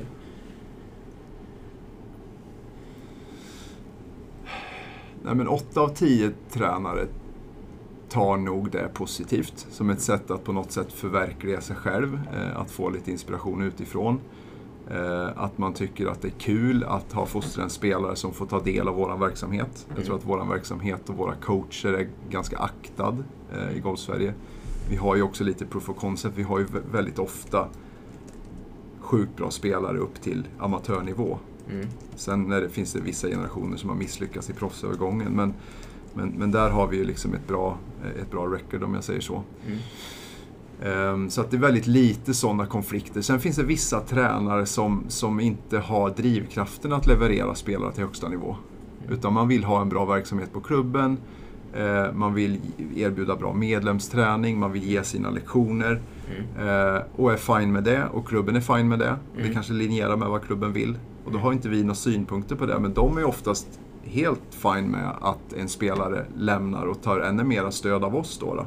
För det ligger liksom inte i deras Nästan bara skönt kanske. Nå, nej, det tror jag kanske inte riktigt att de tycker. Men, men, eh, ja, men det, vi har väldigt få sådana konflikter. Vi har också bra personer i, i vår landslagsverksamhet som förstår värdet av att upprätthålla relationer. eh, Okej. Och vara bjussiga med kunskap, ställa mycket frågor, skicka mycket feedback. Eh, om vi ser en spelare på en tävling i Europa eller USA så, så är vi bra på att liksom, jag har noterat det här, hur ser du på det här? Så försöker man liksom ha ett, ett, ett samarbete kring det. För att det är ju ändå i klubbmiljön som den stora verksamheten sker, i alla fall tidigt. Ja. När man är någonstans upp till ja, gymnasieålder eller strax under gymnasieålder. Just det. Men är förbundets tränare de bästa tränarna i landet? Kan man säga så? Nej, så kan ja de är ju alla duktiga på, på, på olika saker. Eh, men det är inte så att våra tränare, våra coacher har någon särskild mall. Att det finns någon förbundssving liksom, eller något förbundssätt så som man... Utan de är väldigt duktiga på att se spelaren utifrån ett 360-perspektiv. Okej. Det vill ja. säga att om man, kom, man har en spelare som kommer från en klubbmiljö där man är väldigt teknikorienterad, då adderar man de andra pusselbitarna. Mm. Eh, kommer man från en klubbmiljö där det saknas lite fys, ja men då är man duktig på att addera de pusselbitarna. Men kan det finnas tränare i klubbmiljöer som också är duktiga på allt det? Som kan ta in fysen, det mentala och så vidare också? Absolut. Ja. Det finns ju många, vi vet ju direkt vilka tränare vi skulle ringa om någon i min landslagsverksamhet skulle säga upp sig. Ja, okej. Eh, som vi vet är liksom kompatibel med hur vi tänker från dag Ja. ett. Ja, Så att det, det. finns ju jättemånga kompetenta tränare ute i Sverige. Okej. Eh, om man jämför, liksom, om man ser det ur ett internationellt perspektiv, hur står sig den svenska tränarkåren då? Eller coachkåren kanske man säger? Nej, men, nu går det ju bra, men jag, jag tycker när vi är utomlands att vi... Alltså Sverige är en aktad golfnation på något sätt. Alltså vi... Klimat, alltså, geografiskt så har vi ju inga jättegynnsamma förutsättningar om man jämför med södra Europa. Men lik förbaskat så tror jag att vi är den tredje största nationen eh, sett i antalet golfspelare. Det är fantastiskt. Eh, vi är 450 relativt välmående golfklubbar. Vi har ständigt framskjutna placeringar i EM och VM-sammanhang. Det är någon från varje generation som, som slår igenom och blir världselit, når världseliten. Eh, så att, så att man, man ser ja, med respekt på svensk golf, skulle jag säga. Och där i är ju eh, tränarna en, en, en viktig, de har en viktig funktion såklart. Vi har 700 anställda tränare på våra 450 klubbar. Mm. Och vi genomför ju eh, utbildningen tillsammans med PGA som är tränarnas organisation. Så Okej. de gör ju den men på, på uppdrag av oss kan man säga. Det är ett tätt samarbete. Eh, och eh, det är ju en treårig utbildning så den är ganska omfattande. Okej. Och sen har man vidare utbildningsspår också där man på något sätt kan fokusera sig inom teknik eller prestation eller Okej. Vissa fokuserar på, på custom fitting till exempel. Efter de tre åren? Ja, Ja. precis. Mm. precis. Okej, okej. Vilke- Men får man verka som tränare före man pågår, påbörjar de här tre åren? Liksom, behöver man inte utbilda sig för att bli golftränare egentligen? Så att säga. Nej, egentligen inte. Du behöver bara registrera dig som icke-amatör. För du får inte vara amatör och ge lektioner. Okej, Men om du registrerar dig som icke-amatör så får du ge lektioner. okej. Men det är någonting som vi driver ganska hårt, att man ska tidigt ta sin tränarassistentutbildning eh, och att det är på något sätt ett hygienkrav för att en klubb ska anställa en person eh, och börja jobba med, med träningsverksamhet. Så, så vi har tränarassistentutbildning, sen har vi högre tränarutbildning. Och vi driver att så många som möjligt ska gå högre tränarutbildning. Okej. Hö, högre tränarutbildningen också. Ehm, men det är... Det, det finns väl vissa klubbar eller vissa tränare som inte inser värdet eh, att gå den här utbildningen. Men, men i väldigt hög utsträckning så är ju alla fullt utbildade. Okej, så du menar, eh, liksom tränarkåren i svensk golf liksom ligger i världsklass, världstopp, ko- kompetensmässigt? Ja, det vet jag inte. Det kan jag inte sticka ut hakan och säga riktigt. Men resultaten visar ju att vi... vi eh, att, att de är bra på både bredd och elit. Med tanke på att vi har så sjukt många golfspelare per capita. Mm. Ehm, ja, men vi svär ibland över att vi bara, att, att vi bara är 10% juniorer, men, eller 12 är det väl nu, men det är ju ändå 65 000 juniorer. Mm. Och det är ju de allra flesta idrotter i, i Sverige är ju inte en 65 000 utövare. Så någonstans så är det ju väldigt mycket som bra saker som görs ute i Golfsverige. Ja, Men sen när man sitter på Golfförbundet och har lite tid att tänka på de här frågorna så vill man ju att allt, man vill ju alltid att allting ska bli mycket bättre. ja, ja och man tenderar ju till att jobba med det som är problem och utmaningar och möjligheter snarare än att sitta och klappa sig på magen och tycka att allt är bra. Ja. Men, ha- är, det, är det lätt att rekrytera nya ledare för er? Eh, eller liksom är det, ja, om jag återgår till tennisen så har vi en form av tränarbrist. Alltså många klubbar Mm. söker tränare, står utan nästan mer eller mindre. Det, vill man ha ett jobb som tränare kan man få det vilken dag som helst. Hur ser det ut i golfen med den rekryteringen underifrån? För det första, vi, har ingen, vi, vi, vi gör ju lite skillnad på vad som är ledare och tränare i golf då. Eh, Okej. För att du måste ju vara... Du får inte vara tränare om du är amatör. Ja, Du får inte ta emot betalning om du är amatör. just det. Ja. Så att om du är ledare, då är man ju liksom mera... Man kan organisera träning. Mm. Eh, sådär. Men du får inte instruera i sving. Eller du bör inte instruera i sving helt enkelt. Aha, Eh, så så att det, krångligt. ja, det är lite... Det är lite Det får ni göra er av med. Ja, det kan man tycka. Det är inget krångligt för oss som är i golfen, men för alla utif- utifrån så förstår jag att det är krångligt. Eh, Och vi är ju en av de sista idrotterna som har amatörbegreppet, så att någon gång, om det tar 10 år eller 100 år vet jag inte, men det kommer ju försvinna förr eller senare. Okej, ja. Så, så, så enkelt är det ju. Ehm, ehm, vart, var vi någonstans? Nej, men om det är tränarbrist, ledarbrist? rekrytera nya ledare, liksom, eller tränare då. Nu vet jag inte vad jag ska säga.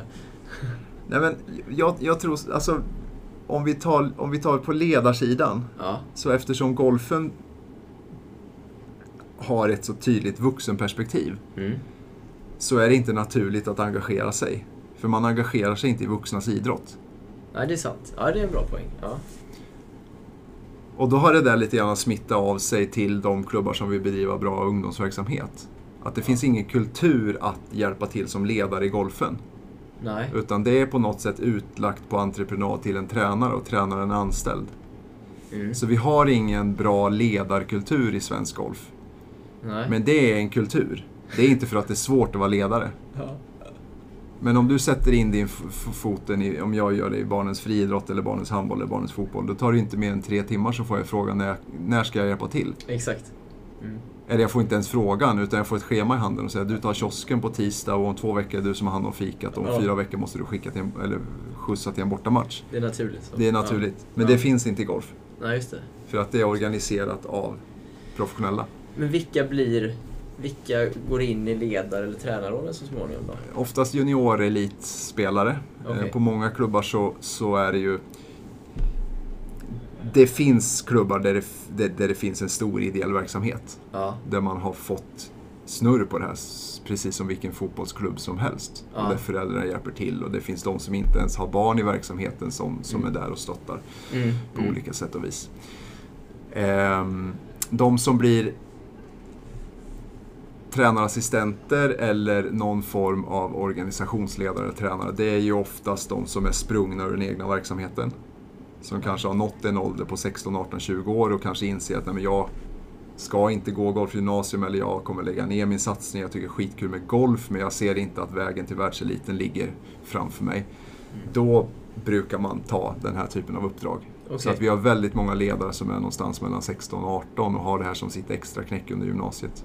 Okej. Om man sen tycker golfen är kul, då brukar man välja att bli tränare. Och då går man tränarassistentutbildningen för att sen gå högre tränarutbildningen. Och sen Okej. så är man klubbtränare. Okej. Vad ligger tränarlönen på ungefär?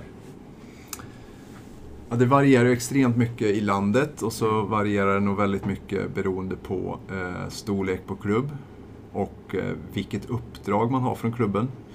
Men det kan nog vara allt från eh, eh, 25 000 kronor på en klubb som, som eh, eh, i, i liksom avfolkningsort, inlandet, norrut i Sverige, Ja. till eh, det finns säkert tränare som har 60 och 70 000. Okej, okej. Jag förstår. Ganska bra löner ändå. De bättre då i alla fall. Ja, det är ju det är fantastiskt. undre ne- Och, det finns, det, ja, och då blir det så ja men varför tjänar jag inte mer och varför är det inte si och så? Jo, fast vi har 700 avlönade tränare i, i, i Sverige. Och i massa andra idrotter så har man inte ens en enda. Nej. Och det ser ju Katarina, vår förbundskapten, när hon rör sig i SOK-sammanhang. Att det finns ju till och med förbundskaptener i andra idrotter som gör det ideellt. Ja, det är otroligt. Och ja, får häftigt. liksom, ja, men du får ett bidrag på 5000 på dina tågbiljetter för att åka på en utbildning med SOK. Ja, ja, Och då kommer vi liksom med en helt annan stab och body och, och, och, och ekonomi. ja, ja. Så att det är ja. otroligt förspänt. Sen verkligen. finns det säkert andra nationer i, i, i golfvärlden som har det ännu bättre. Men vi är väldigt, väldigt tacksamma för den situationen vi har med många professionella, många välutbildade. Möjligheten att kunna göra det man brinner för eh, och ändå få betalt för det. Ja, ja. Så vi tycker inte det minsta synd om oss. Nej, jag förstår det. Eh, jag, jag är med på det. Eh, en fråga till här, Marcus, om just det här med liksom, spelarutvecklingen. Ja.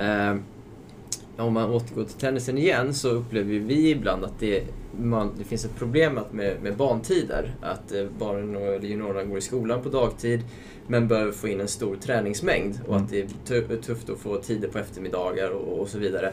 Eh, och att det pratas lite om hur man ska kunna samarbeta mer med skolorna. Eh, hur ser det ut för er när det gäller liksom träningsmängden och skolsamarbeten? Behövs det? Finns det? Eller liksom hur, hur ser du på den biten?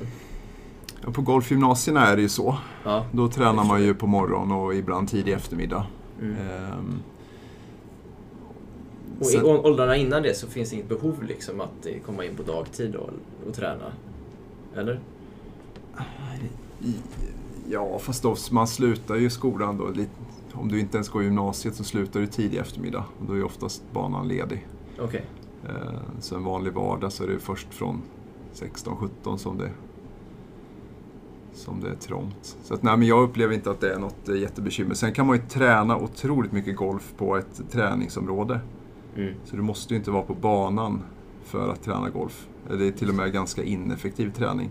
Ja. Med tanke på att det tar nio, att gå nio hål tar två timmar och då slår du 18 slag, 18 puttar om du går på par. Mm. Medan på ett övningsfält, eh, om du riggar en övning och har några kompisar så kan man ju sparra, kan ju få ut otroligt mycket mer runt en övningsskrin eller på ett övningsfält. Just det. Så att en stor del av, av eh, träningen förlägger man ju där. Ja, Jag förstår. Jag förstår. Okej. Sen är det Ja, ju men- också, så här- också, det är så svårt att säga hur det är i golfen för att vi har ju, som jag var inne på tidigare, vi har ju allt från eh, Brohof till Saxo Golfklubb. Så att det är svårt att sitta här och säga att så här är det i golfen. Nej. För det finns, ja, det finns en medianklubb, vi brukar säga att det är Arboga. Ja, där kanske det är så då. Men sen har vi ju 400 klubbar och det innebär att 200 har det inte som i Arboga för de har det bättre och 200 har det sämre Ja. än, än vad de har i Arboga. Ja. Så att det, det är väldigt svårt att sitta och, och liksom ge några generella eh, utfästelser eller utsägelser om, om hur det är i Golf-Sverige. Nej, Utan jag det är ju väldigt varierande vi har 18-hålsbanor med 180 medlemmar och vi har 18-hålsbanor med 1800 medlemmar. Ja, ja. Och det är klart att det är trängre om man har 1800 medlemmar än om man har 180. ja, just det. Skönt att ni plockat ut Arboga där. Ja, men vi brukar säga att Arboga, för de har 827 medlemmar och, och det är liksom medianklubben i Sverige. Ja, jag förstår. Eh, och de har dessutom ganska eh, medianfördelning av kvinnor och juniorer och, och äldre, äldre herrar. Ja, ja jag är med. Jag är med. Eh, när du jobbar inom ett eh, förbund som nu då, Mm. eh, det, är, det är ofta lätt att kritisera förbund. Eh, hur upplever du att liksom, förtroendet för er generellt är ute i landet? Vi var inne på det lite tidigare. Eh, får ni mycket kritik eller är det Ja, lätt att jobba? jag, nej, jag tycker inte att vi får mycket kritik. Eh, Jag tycker att vi har högt anseende. Vi har ju förmånen att ha ganska bra ekonomi så att vi kan, ha, vi kan rekrytera bra personer. Oftast de bästa inom respektive gebit. Mm. Man vill jobba på, ett för, på ert förbund? Ja, det skulle jag säga. Mm. Det, när, vi, när vi lägger ut tjänster så är det alltid de bästa som söker. Mm. Eh, Så oavsett om man jobbar inom eh, klubbrådgivning eller om det är inom det sportsliga eller om det är inom det administrativa eller om det är på grön yta eh, så har vi oftast möjligheten att kunna ta de bästa. Okej. Eh, Så, att, så att det, det är ett aktat förbund på så vis. Eh, Många som vill jobba här och vi, jag upplever att, att vi alla är ganska kompetenta. Eh, Sen är det klart att eh, vi, vi, vi får ju inte alltid ros för alla våra beslut. Och ibland så fattar vi felaktiga beslut, det är vi fullt medvetna om. Mm. Men ofta så kommer ju också kritiken för att man inte riktigt har hela bilden. Mm. Och det förstår jag också att om man ser vad är det som har hänt och vilket beslut har vi fattat så förstår jag också att det kan vara väldigt svårt att få ihop det här. Mm. Men ofta så finns det ju fler skäl som kan, man kanske inte alltid kan offentliggöra Mm.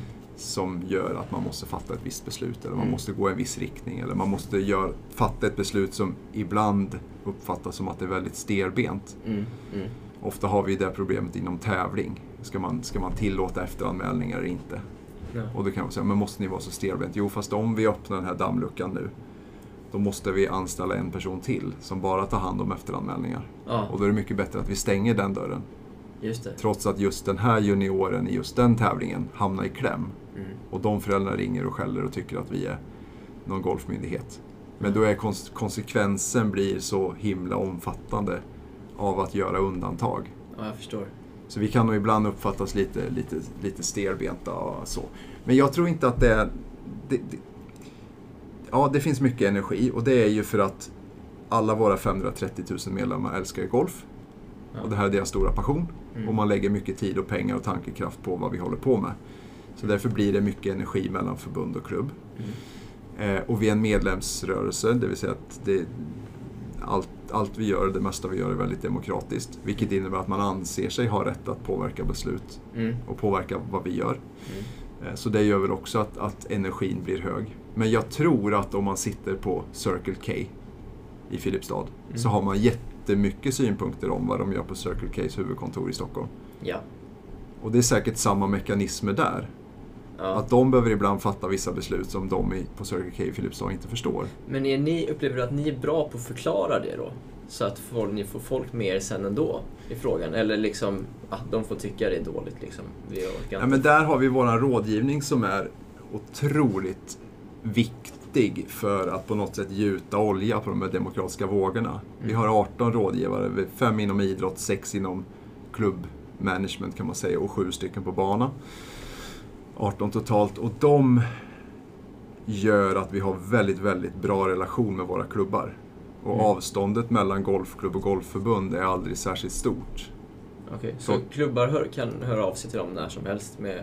Ja, de och- rör sig ju i myllan fem dagar i veckan. Så att de kan ju liksom på något sätt snappa upp att ja, men nu verkar det som att de här i södra Halland har fått uppfattning om någonting och så kan det väl inte vara. Nej.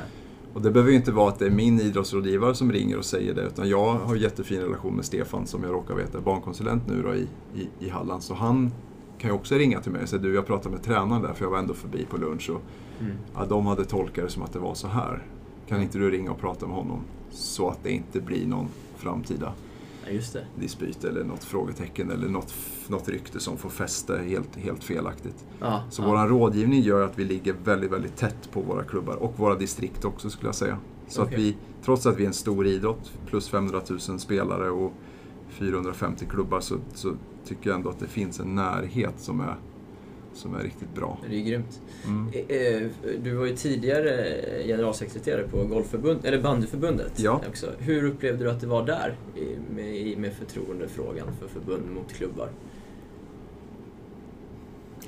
Ja, men lite lägre skulle jag nog säga. Ehm, för där var det ett ganska litet förbund och i vissa avseenden eh, några i alla fall relativt starka klubbar och föreningar. Eh, så där var ju liksom inte styrkeförhållandena riktigt de samma. Nej. Ehm, Sen har ju ett, ett bandyförbund har ju i, i någon mening har ju mera makt än vad ett golfförbund har. För att ett bandyförbund reglerar ju all tävlingsverksamhet. Mm. Just det. Och all utövad bandy i Sverige är ju tävlingsverksamhet. Det Ja, finns väldigt lite spontanbandy. ja precis. Men i golf så är ju kanske var tionde runda en tävlingsrond. Mm. Och nio av tio ronder är en sällskapsrond. Ja.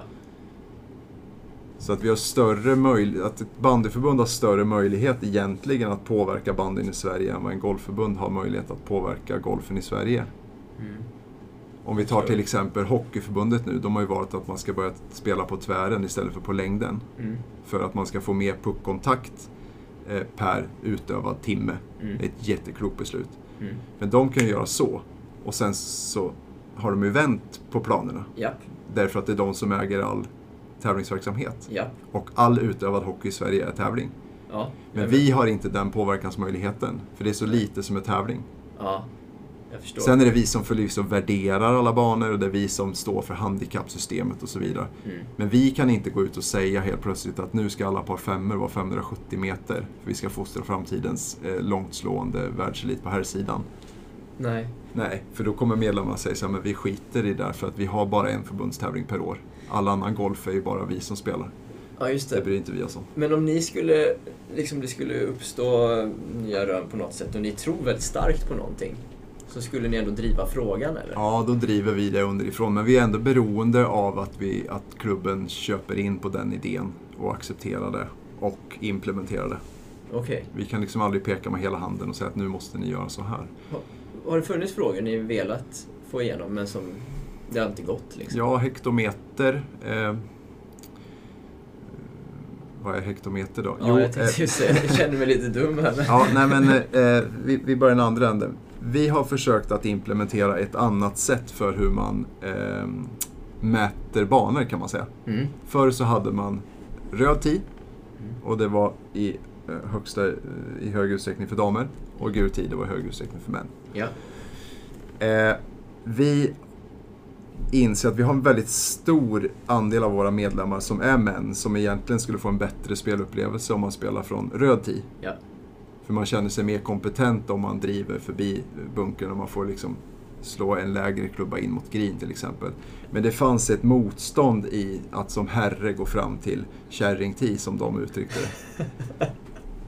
Ja. Och då sa vi att ja, men vi kanske ska neutralisera det här så att vi istället talar om att en bana är 4700 meter om du spelar från 1047 hela tiden. Mm. Och så är det 5300 meter om du sp- spelar från 1053 och så är det 5800 från 1058. Ja. För då kanske det inte blir sån prestigeförlust för en äldre herre att gå från 1058 till 53 för att sen när man passerar 70 gå till 48. Ja. Jag förstår. Och alla köper ju in på det här i teorin och tycker att det är fantastiskt och så här borde vi tänka och det blir mera könsneutralt. Ja. Och långtslående kvinnor kan ju gå från 1048 till 53. Mm. För det blir en större utmaning och tycker man det är roligare. Mm. Så behöver man inte vara så fast i att det är dam här. Men det gick inte. Jo, det har gått på vissa ställen. eh, Men det, men, men det kommer nog ta 20 år till innan den sista klubben byter. Okej. Okej. Det är många klubbar som har 10. 63, 58, 52 och så vidare. Mm. Men, eh, men vi kan inte vända på det lika snabbt som Hockeyförbundet vänder och spela på tvären istället för längden. Ja, jag förstår. Jag förstår. Intressant ju. Ja, det är intressant. Eh, ja, jag är med. Upplevde du, vad, vad fanns det för likheter mellan liksom bandy och golfförbundet? Eh, fanns det likheter där i, i hur man jobbar, även om det är olika storlekar på förbund och så vidare? Nej, men st- strukturen är ju densamma. Att man har en förtroendevald styrelse som, som är mera involverad i verksamheten eh, än i näringslivet. Ehm, man har ungefär lika många frågor. Man har en tävlingsverksamhet, man har en elitverksamhet, man har någon slags ambition om att stötta klubbarna med rekrytera eh, och, och starta eh, skridskokul eller bandykul eller golfkul. Ja. Eh, Det ligger liksom i förbundets DNA. Ehm, Man, man har hand om regelverk, man har vissa kommersiella frågor. Så i bandyn så hade vi ju bandyfinalen. Mm. Och så de liksom mediala kontext, den mediala kontexten som kommer med det. Det har vi i golfen också. Eh, sen är ju varje fråga i golfen är ju så monumentalt mycket större än vad den var i, i bandy. Mm. Ehm, så att liksom sett uppifrån så är ju uppdragen ungefär de samma. Medlemmarna ställer samma typ av krav. Ehm, men det är högre volym, och högre tryck och mer pengar och fler anställda i golf. Okej, okej, okej. Vi- vi, ehm, Om man blickar in i framtiden då, vilka utmaningar skulle du säga att ni står inför de närmsta åren? Eh, ja men det är väl det som vi håller på och borrar i idag lite grann nu. Eh, när vi är i vår process att ta fram en strategi som ska heta 2031. Mm. Eh, om jag får gissa så, så kommer väl frågan om hållbarhet vara eh, högt upp, om inte högst upp. Eh, där vi har ehm, eller vi, vi, vi räds vissa myndighetsbeslut om hur man får använda insatsmedel och bekämpningsmedel och vatten i Just det. framtiden. Just det. Eh, Det kan kasta omkull mycket. Ehm, Frågan om flickor i golfen eh, tror jag att vi behöver adressera. Varför då? Eller? Vi, de är alldeles för få. Och de är så kritiskt få nu så att de riskerar att bli ännu färre. Alltså Aha. det är den grupp av golfare som minskar när nästan alla andra ökar. Okej, okej. Så att fler klubbar kommer att behöva adressera inte bara sin juniorverksamhet utan ha en bra idé om hur tusen ska vi få flickorna att trivas. Och det är ju liksom, det är lite så här kritisk nivå. För jag menar, är man tre, fyra stycken, det blir väldigt skört. Men Ja, är man åtta, tio liksom i en träningsgrupp, ja men då är man... Dels så trivs man mycket bättre vilket gör att det är ganska låg sannolikhet att någon, eller lägre sannolikhet i alla fall, att någon slutar. Eh, och det blir inte heller lika sårbart det. om man går från 10 till 9 eller från 8 till 7. Ja, Men går ja. man från 3 till 2 så blir det, så blir det ganska magert. Ja, Eh, och bakåt i leden så ser det väldigt, väldigt tunt ut. Vi har en extrem förmåga, skulle jag säga, på dam och flicksidan att få fram bra spelare. Och det, i den här frågan så är det nästan till våra nackdel. För att klubbarna och de som är företrädare ute tror inte på oss när vi säger att det är så, när det är så tunt bakåt. Mhm. För de ser ju bara att det har gått bra för Anna Nordqvist, de hade Sagström spelar i, i, i, i Solen Cup-laget och Karo Hedvall är tillbaka och så fyller vi på med Maja och Linn och en av våra bästa amatörer ska bli proffs i juni som heter Ingrid Lindblad och därefter kommer Meja Örtegren. Så när vi säger att vi i flicklandslaget 2024 bara har en spelare, för det är bara en spelare som håller måttet. Så Ja. truppen i flicklandslaget består av en spelare. wow. Det Då gnuggar de sig i ögonen och säger, men varför fyller ni inte på med fler? Nej men det finns inte fler. Det är klart Nej. det finns fler som har 17 i handikapp eller 23 eller 8, men de passar inte i vår landslagsram. Nej, jag fattar. Okej. Hur, hur, hur ska man lösa det här då, Marcus? Vad, vad, vad tänker du där? Jag är ju inte för det här att, att skapa nationella kampanjer och rekryteringsaktiviteter eller jobba med influencers och så som jag vet man gör på brittiska öarna. Nej. Gareth Bale är ju involverad i, i golfen och den här uh, One Direction tror jag att han är i. Ja, det är möjligt. Ja, nu är jag ute på, på tunn is här. Nej, men de har ju knutit till sig några ja. ambassadörer, Okej. influencers, Ja. som driver golfen. Jag tror inte riktigt på det för att golfen i Sverige är ju i grund och botten en ideell rörelse. Så det måste ju komma underifrån. Så att du måste ju ha en tränare eller en klubbchef eller en föreningsmänniska där ute som tycker att ja, men det här är viktigt i våran kontext Mm. och se till att göra fotarbetet. Mm. Och det fotarbetet är vår uppgift att stötta till 110%. Men vi kan liksom aldrig driva frågan om, om att skapa flickor uppifrån Svenska Golfförbundet utan det måste komma underifrån. Ja, jag förstår. Och där kan vi liksom vara helt eh, eh, obarmhärtiga i vilket stöd vi ger de här som vill. Ja, Men det måste ändå komma underifrån. Det måste vara en golfklubb som driver arbetet. ja, ja. Okej. Sen kan man skapa en nationell manifestation kring någonting. Att det är fler än de på Golfförbundet som tycker det är viktigt med flickor och så får man många att sluta upp kring det här. Men själva verksamheten, att greppa klubban och slå bollen och komma ut och ta ett grönt kort och liksom uppleva glädjen med sporten, det kan aldrig ske i förbundskostym utan det Nej. måste ju vara i klubbkostym. Men gäller det här liksom alla åldrar att det är brist på kvinnor och flickor? Ja, ehm, det är strax över 20 procent eh, kvinnor totalt sett i golfen av våra 530 000 golfare. Okej. Och det är strax under 10 000 tjejer eh, totalt sett. Ehm, och där försöker vi göra olika aktiviteter på olika nivåer. Eh, min övertygelse i alla fall är att vi kommer aldrig åt problemet på sikt om vi inte blir bättre på att rekrytera tjejer och få tjejer att starta med golf, trivas i golf och utvecklas med sin golf. Okej. Då kommer vi lösa numerären på sikt. Ja. Ehm, så det, det, det tror jag är den, det viktigaste. Och sen så måste man ju ställa sig frågan varför trivs killar i golf men inte eh, tjejer? Mm. Och då, då, det kan ju vara, ha kulturella aspekter eller på vilket sätt tränaren uttrycker sig. Och så. Vi måste jobba med jättemycket sådana såna grejer också. För då Jag måste ni ju det ha mycket färre kvinnliga ledare också? Ja. Eller trän... Ja, det eller avspeglar tränare. sig av våra sju- 700 tränare så är 70 tjejer. Så att, eh, kvinnor, tjejer och kvinnor. Så att det, Okej. det är en direkt spegling av hur det ser ut i Golf-Sverige. Ja, jag förstår. Jag förstår. Ehm, hur bra måste man vara för att kunna leva på att spela golf? Jag som inte kan det riktigt.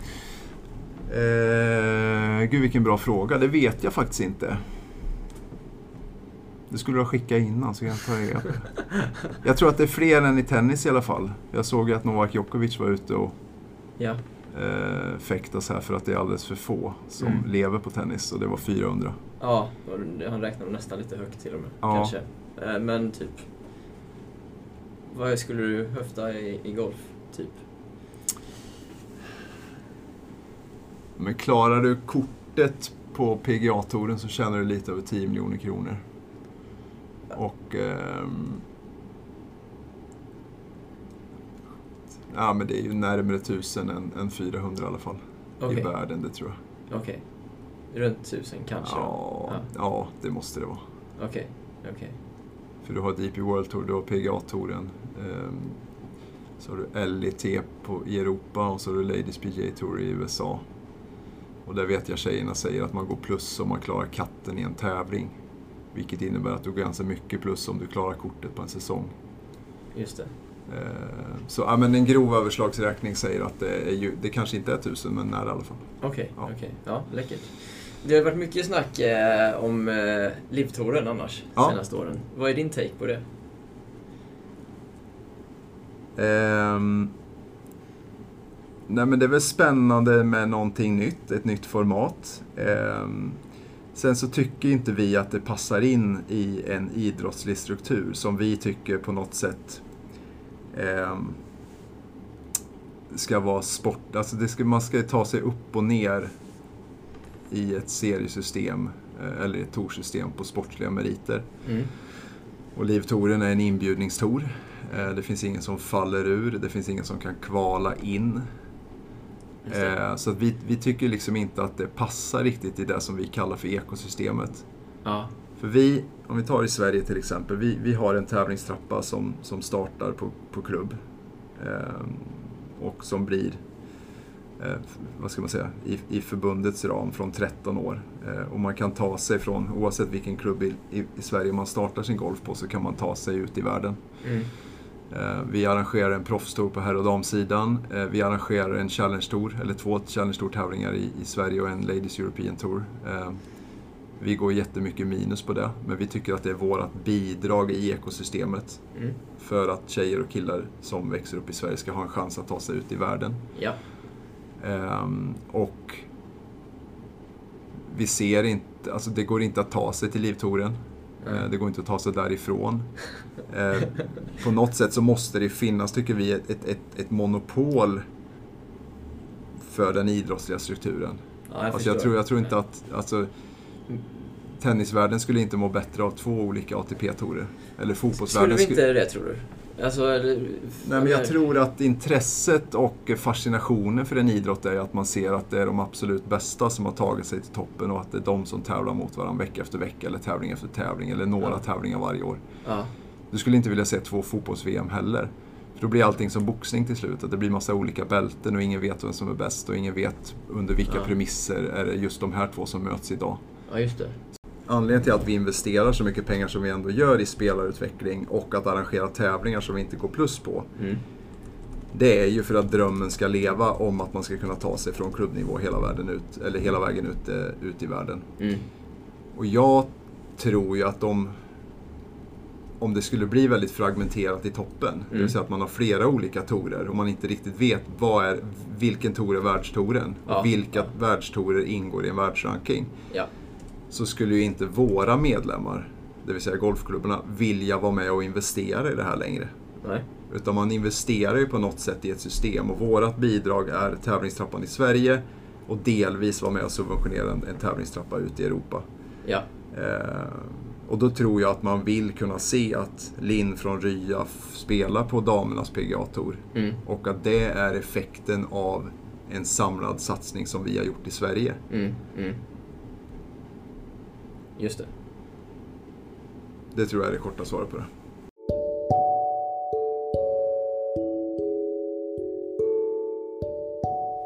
Stort tack till alla mina klubbpartners. RQT, Stora Väsby Tennisklubb, Shalimar Point Tennis Club, Valda Tennis, Åkersberga Tennisklubb, Stabäck Tennisklubb, Strömstad Tennisklubb, Helsingborgs Tennisklubb, Sollentuna Tennisklubb, Mälarhöjdens IK Tennis, Påvelunds Tennis och Badmintonklubb, Söderslätts Tennisklubb, Stöde IF Tennis, Solna Tennisklubb, Söndrums Tennisklubb, Enskede LAN Tennisklubb, Ystad Tennisklubb, Danderyds Tennisklubb, Euro Elite Germany och Norrköpings Tennis och Paddelklubb. Stort tack allihopa för er support.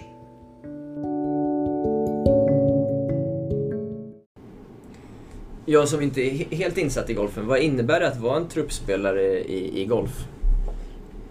Eh, nej, men när man är med i pojk och flicklandslag, eh, då går man ju på gymnasium i Sverige. Mm. Så där är man i Europa 12 månader per år. Eh, och då gör vi insatser egentligen över hela året. Eh, först och främst så är det ju tävlingsexponering.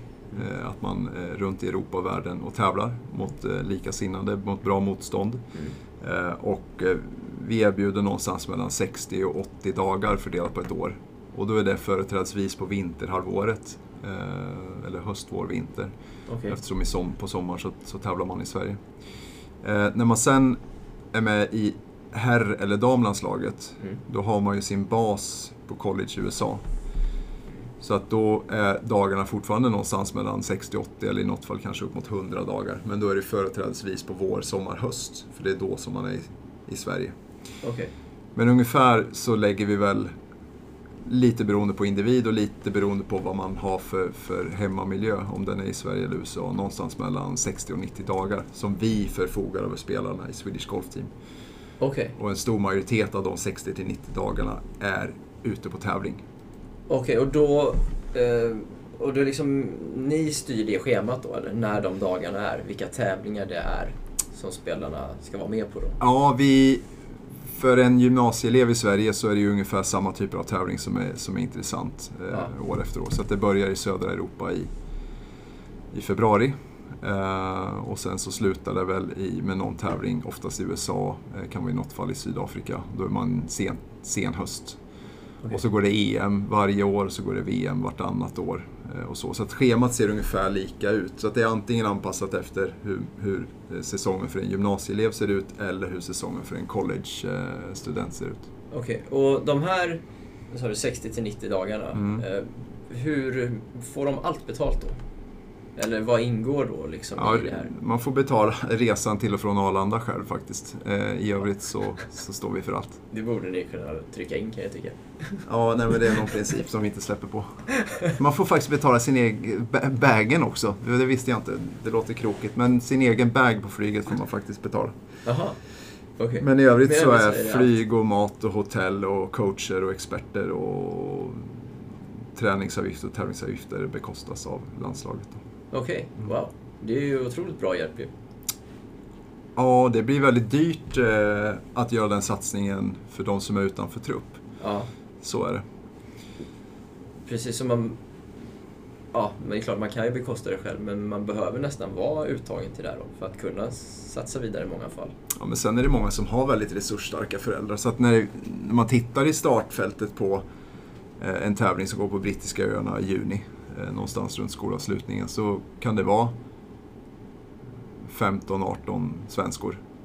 Okej, Och då vet vi att sex eller åtta kanske är där i våran kostym. okej. Och sen så är det tio som är där med sina föräldrar. All right, all Så att det right. finns de som gör en satsning eh, och är uthålliga i det. Men det är ju inte vem som helst som klarar av det. Nej. När man är på de tävlingarna då, liksom, där det är spelare som är med i er trupp och som inte är med i trupp. Mm. Eh, har man något samarbete emellan alls? Eller är det liksom som två helt olika team liksom? Ja, alla känner ju alla, eh, så att det är klart att vi kan, vi kan samåka. Eh, vi kan lösa saker eh, tillsammans vad gäller uppvärmning. Eh, om våra spelare är klara för dagen och det är någon tjej eller kille som säger har du lust att kolla på det här? Mm. Eh, så är det klart att vi ställer upp. Så att det är liksom inte något revir Inte vi mot dem. Nej, Nej. långt ifrån. Eh, däremot så är ju coachen där för att bevaka våra spelare och Ja. ge feedback till våra spelare och ge feedback till hemmatränarna. Mm. Eh, till våra spelare. Mm. Mm. Eh, så att vi försöker vara dra en gräns för att på något sätt hedra att det här är truppspelare och de andra som är där är liksom privata. När, man, när man blir uttagen till eh, en trupp då, Mm. eh, hur lång tid eh, blir man uttagen till? Är det ett år eller är det för tre år eller är det för närmsta månaderna? Hur länge vet man att man har sin plats så att säga? Ett år i taget. Mm. Eh, och det är ju för att våran landslagsverksamhet är ju väldigt tidigt i karriären. Alltså du är ju pojke, flicka och sen så är du amatör. Och sen så väljer du att bli proffs. Så vi vill ju se på vår verksamhet som att det, det, det är mer en form av utvecklings och utbildningsverksamhet. Mm. Snarare än att det är toppningsverksamhet och medalljakt. Så när vi spelar ett EM till exempel. Så oavsett om du startar singelspelet med att skjuta 79 så ska du vara garanterad att spela dagen efter. Så länge du har fokuserat på rätt saker. Och jobba med de saker som du tillsammans med din coach, din hemmatränare, bestämt att nu under EM ska vi jobba med det här. Mm. Så vi, håller, vi, vi låter alla spela lika mycket på ett EM för vi säger att det är inte nu vi ska vara som bäst. Vi ska se till att förbereda er för att ni ska vara bra om 10 år. Ja. Eller om 8 år. Men sa- samtidigt som blir man uttagen på ett år och det är så mycket hjälp ändå i, liksom, som det innebär. Mm. Då vill man ju prestera för att få vara kvar också. Så Jo. annars åker du ut om ett år. Ja, fast vi har några exempel på sådana som inte har presterat men som ändå blir uttagna ett år till. Okej. För det kan ju å ena sidan vara för att de som knackar på dörren inte knackar tillräckligt hårt. Men det kan också vara för att en spelare som är i truppen jobbar på rätt saker och vi ser att resultaten kommer komma. Okej, jag förstår. Jag med. Vem är ansvarig liksom, tränare för de här spelarna? Är det hemmaklubbens coach eller är det landslagets tränare? Det, är det är också lite olika. Om du kommer från en klubb som har liksom en gedigen idé eh, och, och, och vilja att vara en bra junior och elitverksamhet, då har man oftast bra tränare, intresserade tränare som vill vara med och är nyfikna så länge som möjligt. Eh, kommer man från en klubb som inte har den kulturen, ja men då kanske en, en, en tränare från gymnasiet eller en, en landslagstränare tar ett större ansvar. Eh, men vi pratar ofta om någon slags liksom gemensam vårdnad där, att det handlar ju om att sörja för att varje individ har en hållbar och en bra situation. Mm. Sen om det är klubbtränaren som tar 70% ansvaret eller om det är en gymnasietränare som tar 70% eller en landslagscoach som jobbar lite fler dagar eller lite färre dagar. Det är ju inte det viktigaste utan där får ju alla försöka vara ganska ödmjuka utan titta på respektive individ och se till så att de har ett bra träningsår. Mm. Att det finns en långsiktighet i det de gör. Just det, just det. Och det där får vi, vi får ganska mycket frågor kring det där när vi är utomlands. Om vi tar Ludvig Åberg nu som det går, går väldigt bra för. Vi spelade VM för ett år sedan på, eh, eller förlåt EM, Europamästerskapen för ett år sedan eh, i USA och då vilade vi honom. Mm. För att han hade haft ett otroligt intensivt collegeår eh, och han hade ett antal invites i proffstävlingar den sommaren. Hade ett väldigt, väldigt tajt tävlingsschema. Och då tyckte vi att ja, men, du utvecklas inte av att spela ett Europamästerskap just nu. Utan du kanske behöver vila, eller du behöver träna, eller du behöver något annat. Och då ställde vi över honom, så var det en annan spelare som fick chansen. Och nu ser vi ju effekten av det. Att vi inte var så himla keen på att vinna just det där VMet, eller EMet. Ja. Utan vi ser till hans utveckling. Och nu har ju utvecklingen gått som den har gjort för honom. Nu säger jag inte att det har eh, bara att göra med att vi vilar honom under EM. Men vi hade samma Mm. praxis kan man säga under, under just VM. För då vilar vi våra näst bästa spelare. Mm. För då skulle han byta college i USA, han heter Hugo Townsend. Och då sa vi att det är mycket bättre att du åker till college en vecka innan. Så att du hinner göra din flytt, acklimatisera dig på ditt college. Och sen göra ditt sista collegeår bra innan du ska bli proffs. Mm. Du kommer inte utvecklas nämnvärt mer för att du åker och spelar ett VM i Paris. Ja, jag förstår. Så där ser vi ju... och jag, jag, jag ser, eller vi ser det ganska tydligt också när vi är ute. Många andra nationers coacher är ju väldigt nära och väldigt långt in på spelaren. Ja. Och är med och läser puttlinjer och liksom riktar upp och ja, men nu slår du dit för att sen slå dit och akta dig för det där. Och vi går väldigt ofta ute i ruffen eller till och med ute i skogen och mera bevakar vad det är för typ av beslut som spelarna tar. För vi vet ju att du ska ju klara dig själv förr eller senare. Mm. Och det kommer vara kanske åtta år tills du har råd att rekrytera en egen caddy som hjälper dig med besluten på banan. Just Så vi det. måste ju på något sätt bygga en individ som är trygg med sitt eget golfspel. Ja, Och då är ja. det bättre att ge den feedbacken eh, och skapa det lärandet efter en rond. Just det. Istället för att vara där och peta i exakt varenda slag. Ja. Ja. För då lär man sig ingenting. Nej, precis. Och hade vi varit inne och petat i varje slag så hade kanske den där putten trillat i eller den där driven hade inte gått out. Och då hade vi kanske vunnit det där EMet. Ja. Viktiga Men målet med vår verksamhet är inte att fostra bra pojk-flickspelare eller bra amatörer. Utan målet med vår verksamhet är ju att vi långsiktigt ska se att de har potential att ta sig in i Solen Cup och Ryder Cup. Ja. och konkurrera om majors och på de stora touren. Ja, just det. Just det. Ja, jag är med. Jag är med. Eh, eh, Och det var från, var det från 16 års ålder man kunde gå in? Ni hade trupp, era truppspelare första gången, eller var det yngre än det? Ja, man kan egentligen vara hur ung som helst. Eh, på flick-EM i somras eh, som jag var med på, då hade vi en tjej som inte hade fyllt 16 än. Okej. Men då är hon tillräckligt bra, eller de som är framför henne och är äldre än henne är inte tillräckligt bra helt enkelt. Så att det är ju en sportsligt urval ändå. Ja. Men det går lika mycket på, eller det går såklart väldigt mycket på prestation här och nu och vilken kapacitet man har här och nu, men också väldigt mycket på ambition. Okej. Och det är en För det finns sjukt många 17-åringar som är grymt bra på golf. Men Ja. vi ser redan nu att den ambitionen de har i sin satsning kommer inte bära särskilt mycket längre.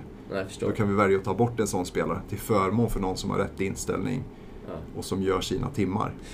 Men det är en subjektiv bedömning som några av era coacher tar då? Liksom, Ja, varje coach är ju helt suverän i sitt beslut. Ja. Ja. Det måste bli mycket diskussioner. Spelare som inte blir uttagna och föräldrar som blir sura och tycker att det är fel beslut. Eller? Ja, det finns det ju alltid. Ehm, De föräldrarna som kräver ett svar får oftast ett svar och brukar acceptera det svaret. Ehm, Det kommer ibland att jag också är CC på något mail. Ehm, Men, men ja, den är subjektiv, men, men, men om man gör samma sak under väldigt många år så kan man ju nästan säga att det är en objektiv uttagning. För att Ja. uttagningen görs alltid på samma premisser. Okej. Det är viss del att du ska kunna leverera, men det är också väldigt mycket eh, att du visar rätt personliga egenskaper. Ja. Okej. Och det är också tillbaka till det här, är det nu vi ska vara bäst eller sen? Eh, för om vi hade som mål att vinna ett EM för flickor, ja men då skulle man ta ut de som är absolut bäst just den månaden. Ja. Men det är inte säkert att det är de som har kapaciteten att ta sig hela vägen. Nej.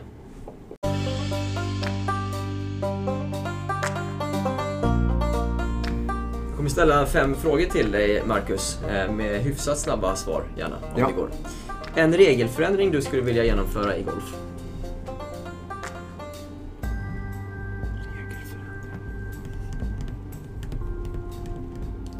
Om det finns någon du har tänkt på.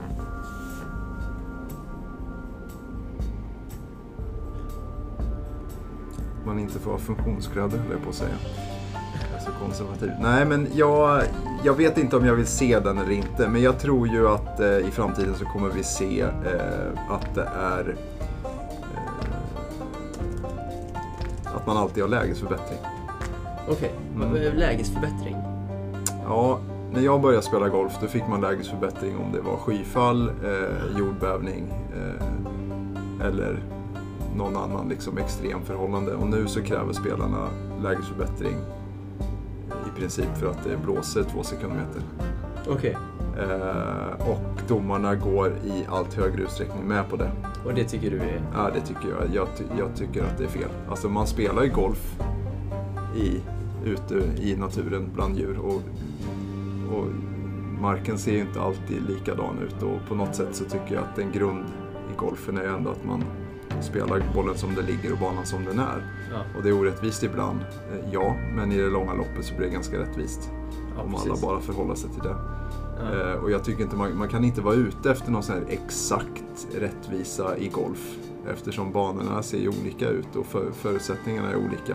Mm. Så att man kan liksom inte införa något VAR eller att man ska ha någon GPS-sändare i bollen. Jag tror att tar bort tjusningen Mm. eftersom eh, golf spelas i naturen. Mm. Det tycker jag låter vettigt också. En regelförändring du eh, skulle tro var bra inom tennisen? Oh. Ehm, man får inte ha keps inomhus. Ja, kanske det. Um, tajtare med tiden, Mm. tror jag. Eh, klocka som räknar ner. Skulle i och för sig golfen må bra av också, tror jag. Eh, att man har en klocka på domarbilen. Um, Speeda upp det lite. Speeda upp det lite grann. Mm. Eh, tajta ihop tv-sändningarna, göra det roligare att titta. Eh, sen en serve, tror jag. Uff, det är en ganska stor förändring. Vore inte det spännande? Det Jo, sa det jag skulle att förändra spelet. Ja. Det skulle förändra spelet, helt klart. Eh, vem föredrar du? Tiger Woods eller Roger Federer? Roger Federer, Eh, US Open i tennis eller golf? tennis. Eh, Svenska Tennisförbundet har ju ingen roll där man har någon sportchef idag. Är det något du skulle vara intresserad av i framtiden? Nej. Varför då? Nej, Men för det första trivs jag väldigt bra här. Ehm, Och eh, för det andra så tror jag att eh, eh, ja, men jag vill inte gå i Magnus fotspår på det sättet. Jag kommer ju alltid vara hans lillebror. För all framtid. Det kommer jag alltid vara oavsett i och för sig. Det är ganska svårt att reversera. Men nej, jag tror inte att jag ska in där och rota. Okej, Nej. jag förstår. Har det varit jobbigt för dig att vara hans lillebror? Nej, ibland har det varit, ibland har det, varit det, men, men eh, i, i 99 fall av 100 eller 999 fall av 1000 så har det bara varit en jättestor fördel. En fantastisk förmån. Ja. Men det är klart att det har funnits tillfällen när man har tröttnat på det eller man tycker att man har blivit eh, orättvist behandlad eller att man har blivit påmålad fördomar på något sätt. Eh, men ingenting som är i närheten av, av allt eh, fantastiskt som jag har fått tack vare honom och upplevt tack vare honom. Bollar ni mycket tankar eh, mellan varandra om liksom du från golfens värld och han från tennisen? Så, menar, ni har ju båda rätt stora roller liksom inom respektive. Kanske inte så mycket så processorienterat kring hur borde man tänka, hur borde man eh, jobba, hur, så där, utan mer jämförelser. Så här, Okej. vad är summan på den här nivån? Hur mycket är träningsvolymen på den här nivån? Ja, Vad är stödet från förbundet när man kommer hit i sin utveckling? ja. Så det är mer benchmark än att Hur man ska lösa liksom. hur man ska lösa saker. Eller kan du komma med förslag på hur jag borde tänka i den här situationen? Okej. Det tror jag ändå att eh, dels är vi kanske vi lite olika men sen så är tennis och golfen i grund och botten relativt olika också. Ja, ja. Sen kan man hitta inspiration sådär. Jag har haft honom som föreläsare eh, vid något tillfälle i bandyn, eh, ännu inte i golfen. Ehm, jag var ute med en av mina eh, förbunds, eh, eller en av mina coacher eh, på Good to Great en gång bara för att liksom titta hur det ser ut och Magnus var där och Mm. ja, stod och snackade 20 minuter sådär. Okej. Eh, Så det, är liksom, det är väl mer liksom på, på den nivån. Alltså, man skulle kunna göra ett studiebesök på Good to Great och så skulle man kunna ha en workshop kring vad av det vi har sett idag skulle man kunna applicera i golfen eller i vår verksamhet. Ja, jag förstår. Så, men vi är inte varandras pro problemlösare på något sätt. Ja, jag förstår. Då är vi framme vid eh, stycket där jag ställer lite frågor som jag ställer till de flesta gästerna. Ja, Vad är det senaste du lärde dig? De här kan vara lite luriga ibland. Åh shit, de här skulle jag ha förberett mig på. För jag hör ju att du... Att du, eh, att du senaste jag lärde mig.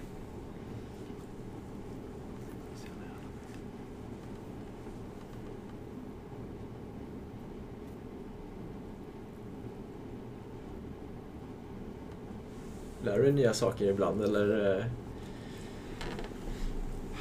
Nej, men det är väl mera nu... Jag har jobbat här i fyra år nu eh, och jag tycker fortfarande att jag är ganska ny på jobbet. Jag tycker fortfarande att jag har mycket mer att lära mig än att lära ut. Ehm, Så att man får väl större förståelse för saker och ting och hur saker och ting hänger ihop eh, för varje dag som går. Sen, sen tycker jag att ju äldre man blir och ju mer man har jobbat i just det här så förstår man att saker och ting är som de är för att någon slags process har lett fram till det. Så man kan tycka att det, om man bara blir presenterad för ett faktum, så, alltså, hur tusan har ni tänkt? när det ser ut så här. Men Ja. sen när man börjar gräva i det så förstår man, ja men det beror på det beslutet och sen så var de i Dalarna var emot det för de tyckte det blev för dyrt. Mm. Och så var vi tvungna att flytta den verksamheten dit och då var en tränare tvungen att göra det istället. Så, och till helt plötsligt, jaha, då har det blivit så Mm. av en radda beslut. Mm. Mm. Eh, Sen behöver det inte vara rätt för dig. det för behöver inte vara rätt, eh, och, och, och, men det behöver inte heller vara fel. Men man, man får ju en man får stor respekt för att det är många kloka personer som har fattat många kloka beslut eh, i ett sånt här förbund som Ja. vårat. Som har funnits sedan 1904. det är ett tag ändå. ja. Så det tycker jag att man, man lär sig, att vara, att vara lite trög eh, inför att man eh, dömer ut hur saker och ting ser ut. ja, jag förstår. Och det kanske är klokhet med åldern men, men också att man kanske har gått på någon mina ibland. Ja. Ja. Vad försöker du bli bättre på just nu? Ehm.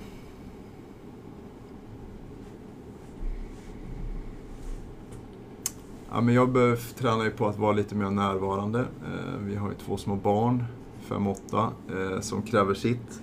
Och eh, ett sånt här jobb som är någonstans mitt emellan ett, ens största fritidsintresse och ens levebröd så blir det väldigt svårt att sortera eh, alltid rollen som pappa och rollen som yrkesperson. Eh, så där försöker jag vara mycket bättre på att eh, släppa jobbet när jag väl är hemma. Hellre komma hem en timme senare med att vara klar. Eh, och vice versa. Ja. Att jag är klar som pappa när jag kommer till jobbet. Hellre komma till jobbet en timme senare. Okej, okej. Det kan inte alltid vara lätt att skilja på, på det. Nej, det går ju i varann Ja, hela tiden. Ja. Och, och det är ju det som är tjusningen med att jobba med det som vi, som vi ändå får jobba med. Vi har ju liksom några WhatsApp-slingor och de är ju igång 365 dagar om året. Spelar ingen roll om det är julafton.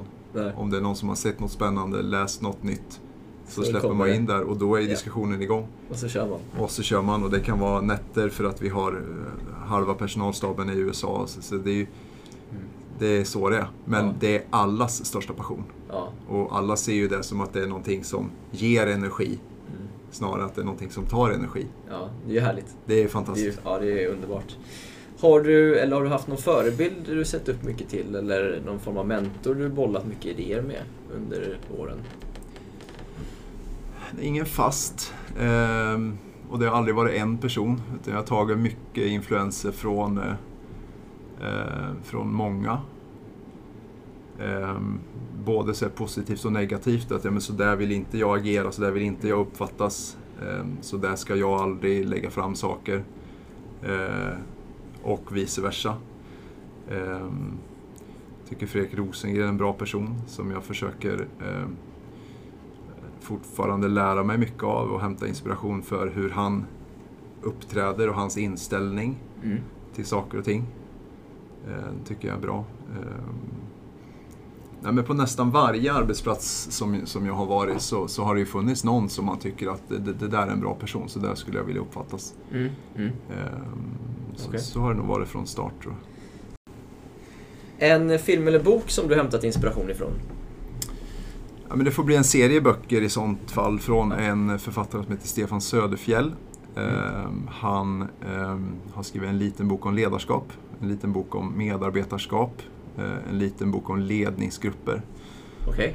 Eh, otroligt korta, kärnfulla eh, och ja, men det han skriver tycker jag verkligen genomsyrar ett, eh, ett bra ledarskap. Så Okej. där har jag strykit under många saker i de böckerna. Ja, det är så. Ja, men det går in i min nästa fråga då. Hur du har förändrat ditt ledarskap på senare tid. Nej, men från första gången jag blev chef eh, i idrottsrörelsen då, 2011-12 var väl det på bandyförbundet, eh, till nu så tror jag ju att jag eh, är lite mer reflekterande. Eh, Jag ger mig inte in först i alla frågor. Eh, Och jag kanske inte går först i alla frågor och alla ärenden heller. Utan är lite mera, vad ska man säga, delegerande, eh, inlyssnande. Mm. Eh, och jag tror att man har insett att, att verksamheten drivs som bäst när man får ut som mest. Eh, även om de som man kanske tycker presterar som lägst. Okej, ja. Så att det handlar om att få ut så mycket som möjligt av alla snarare än att man själv ska ligga 20% före alla i alla frågor. Ja. Eh, för då kan det snarare bli att man pacificerar sin omgivning. Mm. Mm. Eh, Så att jag har väl på något sätt kanske ja, lite omdefiniera hela min, vad min roll och min uppgift är. Ja, spännande ändå. Ja, det, ju... det låter som något som kommer med erfarenhet kanske. Lite grann. Också. Ja. det Nej, men behöver de- ju inte komma med erfarenhet i och för sig, men, men eh, kanske. Från det, ja. Ja, intressant. kan vara så. Eh, svensk golfs största styrka? I världen, Ja, det skulle jag nog... Ja, det tycker jag. I världen så är det ju att vi organiserar golf som eh, man organiserar idrott i Sverige. Att det är en kombination av eh, ideella insatser och eh, professionella insatser, hög kompetens. Eh, det blir, eh, det blir eh, riktigt, riktigt bra. Golfen i Sverige är ju accessible and affordable brukar man säga utomlands, det vill säga att den är otroligt tillgänglig. Man kan faktiskt börja med golf eh, när man kommer från hög, låg och medelinkomsttagande familjer. Mm. Eh, och det finns en golfbana i princip varenda kommun i Sverige. Mm. Eh, utomlands så är det ju oftast privat och stängt och dyrt. Just det. Så att det är nog slagkraften i svensk golf eh, internationellt. Sen har vi också försökt att göra vinterhalvåret till våran styrka. Aha. Hur då? Ja, men att, att bättre jobba med periodisering eh, i våran träning. Eh, att ha tydliga teknik och fysblock på vintern. Eh, det är svårt att jobba med tekniska förändringar om man är i en tävlingssäsong. Mm. Och vi märker att spelare från Sydeuropa oftast är långt före oss prestationsmässigt tidigt. Mm. Det är för att de tävlar stora delar av året. Mm. Men vi tror att, att vi hittar ett visst lugn i träningen Mm. under de här allra värsta månaderna i Sverige. Det, vi försöker göra det till våran fördel för vi inser att det är svårt att påverka. Det, kommer, Det är svårt att påverka vädret. det är svårt att påverka vädret. Så istället för att gråta över att det är vinter så har vi försökt göra det till en fördel. Eh, Så där tycker jag att vi tillsammans med alla klubbar har ett väldigt bra mindset vad gäller den. Okej. Om man vänder på frågan, svensk golfs största svaghet? Internationellt, Ja. resurser ehm, skulle jag säga. Okej. Ehm, politiken i Sverige visar ju inte tillräckligt stort intresse för frågan om elitidrott. Nej. Eh, Det är medlemmarna som får finansiera elitsatsningen i Svenska Golfförbundet. Ehm, Väldigt svårt att hitta externa pengar. Eh, Där ser vi ju att eh, flera andra nationer, och det märker ju alla, eh, SOK, RF och de andra stora eh, idrotterna också, att det blir svårare och svårare att hålla stången mot nationer där man liksom går in med statsstödda system och eh, pengar som vi inte ens är i närheten av. Och det är klart att över tid så, så kommer det vara svårt att konkurrera på världsnivå. Ja. Är- det någon fråga ni eh, liksom har lyft i, ja, i andra eh, sammanhang? Ja, men det finns ju en, en, ett, en satsning nu från Riksidrottsförbundet och Sveriges Olympiska Kommitté som heter Elitidrott 2030. Eh, och det är ju ett slags paraplyprogram kan man väl säga för att enklare förstå eh, elitidrottarnas vardag, eh, var, var elitidrotten i Sverige befinner sig kontra andra länder. Och det långsiktiga syftet är ju att bättre attrahera både politik och näringsliv Mm. för att få bättre resurser in i elitidrotten. Mm. Så att det står vi bakom och vi bidrar med det vi kan. Men det är inte så att vi driver frågan från Svenska, Svenska Golfförbundet själva. Nej, Eh. Utan det låter vi då vara två eh, medlemsorganisationer, SOK och eh, RF, driva det åt Jajamän. oss. Vad tror du på som du upplever att andra inte håller med dig om?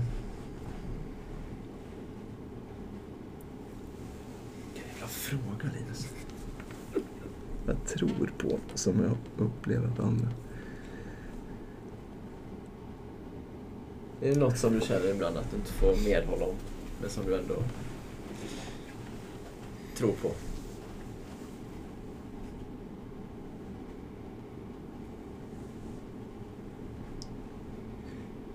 Jag gillar när man får tänka efter. Ja, men i, ibland så känner jag väl att, att eh, så här, vilja slå klass.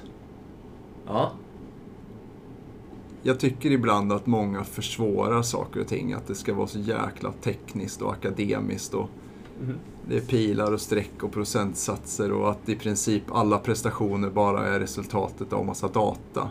ja, Men man glömmer bort att det är ju hårt jäkla arbete och eh, ren dedikation. Alltså det är det som gör, tycker jag, mycket oftare att man infriar förväntningar eller överträffar. mm.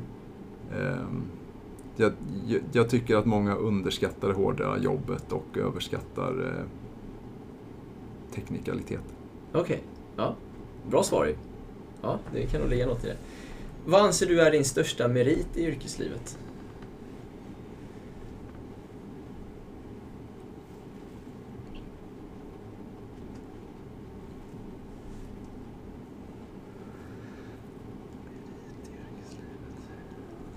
Du lyfta dig själv lite här. Mm. Men jag är ju så långt ifrån isen i bandy jag är så långt ifrån gräset i golf så att det blir liksom inte en sportslig merit. Eh, Jag menar, vi vann VM för, för damer förra året men det är, min insats i det är ju liksom, den är så extremt försvinnande liten, om ens någon. Så att det blir liksom inte någon sportslig merit. Nej, det behöver inte vara. Jag jobbar ju tre år på- Riksidrottsförbundet eh, och Bosön mellan eh, jag var på bandyn och jag började här på golfen.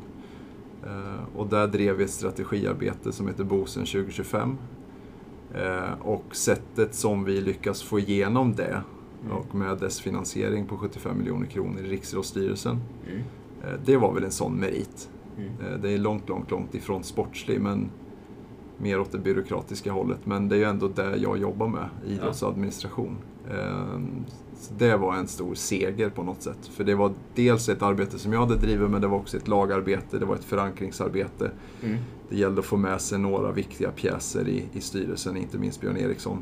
Ja. Ehm, och när vi lyckas med det, det var, det var en känsla av eufori, liksom att vi satte den planen och Ja. att hela styrelsen slöt upp bakom att göra en investering på Ja. Bosön i den mångmiljonklassen som det ändå var. Okej, läckert. Mm. Det var En vinst. Det var en vinst Ja. på kontoret. Då räknas de med. Eh, slutligen, eh, vill du rekommendera någonting? Vad som helst. Ja, den hade jag ju tänkt på eftersom den vet jag kommer varenda gång. Jag, jag skulle rekommendera att man går upp en timme tidigare varje morgon.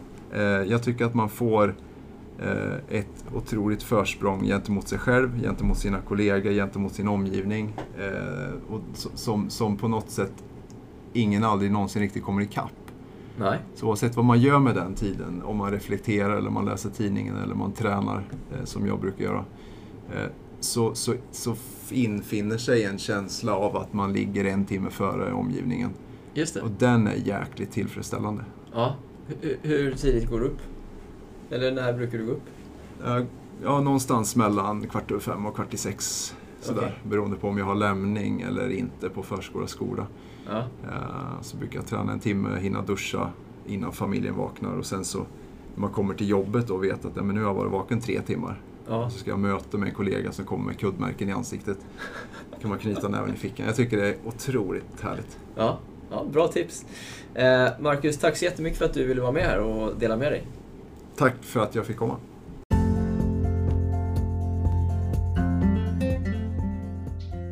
Såklart flera, flera intressanta ämnen i det här avsnittet och eh, det är en sak som jag framförallt tar med mig är ju hur man arbetade med sina college-spelare. Eh, precis som i tennisen så är det ju extremt vanligt att spelarna åker över till USA och Golfförbundet till och med rekommenderar ju det, men har skapat en mall och en struktur för hur man arbetar ihop med spelarna där borta och hjälper dem och ser det som en naturlig del i deras satsning. Eh, troligtvis något som tennisen illa kvickt behöver anamma också eh, och inte lägga det på ett bord för att sedan sätta det i verket eh, 2030 eller någonting utan nu direkt känns ju det väldigt viktigt. Eh, också intressant hur mycket ändå resurser, eller mycket vet jag inte om det är i förhållande till till ens budget och så vidare, men ändå relativt mycket hjälp spelarna får från där runt 16 års ålder när de går in i i, eh, i förbundets eh, ordentliga satsningar där. Eh, och det är ju eh, mer än vad jag tror att man hjälper tennisspelarna. Eh, det, såklart är det ett större förbund, jättemycket fler anställda. Jag tyckte det var oerhört intressant att höra hur man har ett antal tjänster som är till för att verkligen hjälpa klubbarna ute i landet som klubbarna kan höra av sig till få hjälp av inom olika områden. Alltså man har verkligen avsatt resurser för att i det dagliga finnas till hands för klubbarna. Vi har otroligt mycket att eh, förbättra där. Eh, det kan jag ju verkligen känna att jag har märkt när jag ändå varit ute och träffat relativt mycket klubbar och folk de senaste åren. Eh, om jag får säga det själv och eh, det har ju ibland varit en känsla av att att eh, jag kanske haft mer kontakt än vad de som verkligen borde ha det har haft med, med klubbar och deras anställda. Eh, ja, det går att förbättra det helt enkelt. Eh, tack så mycket Mark Norman för att eh, eh, du ville vara med i det här avsnittet och dela med dig. Och det är ju kul att vi kan lära oss från varandra i olika idrotter och verkligen dra nytta av varandras kompetens och erfarenheter. Och förhoppningsvis kan vi få in folk från andra idrotter också framöver i den här podden. Vi hörs snart igen.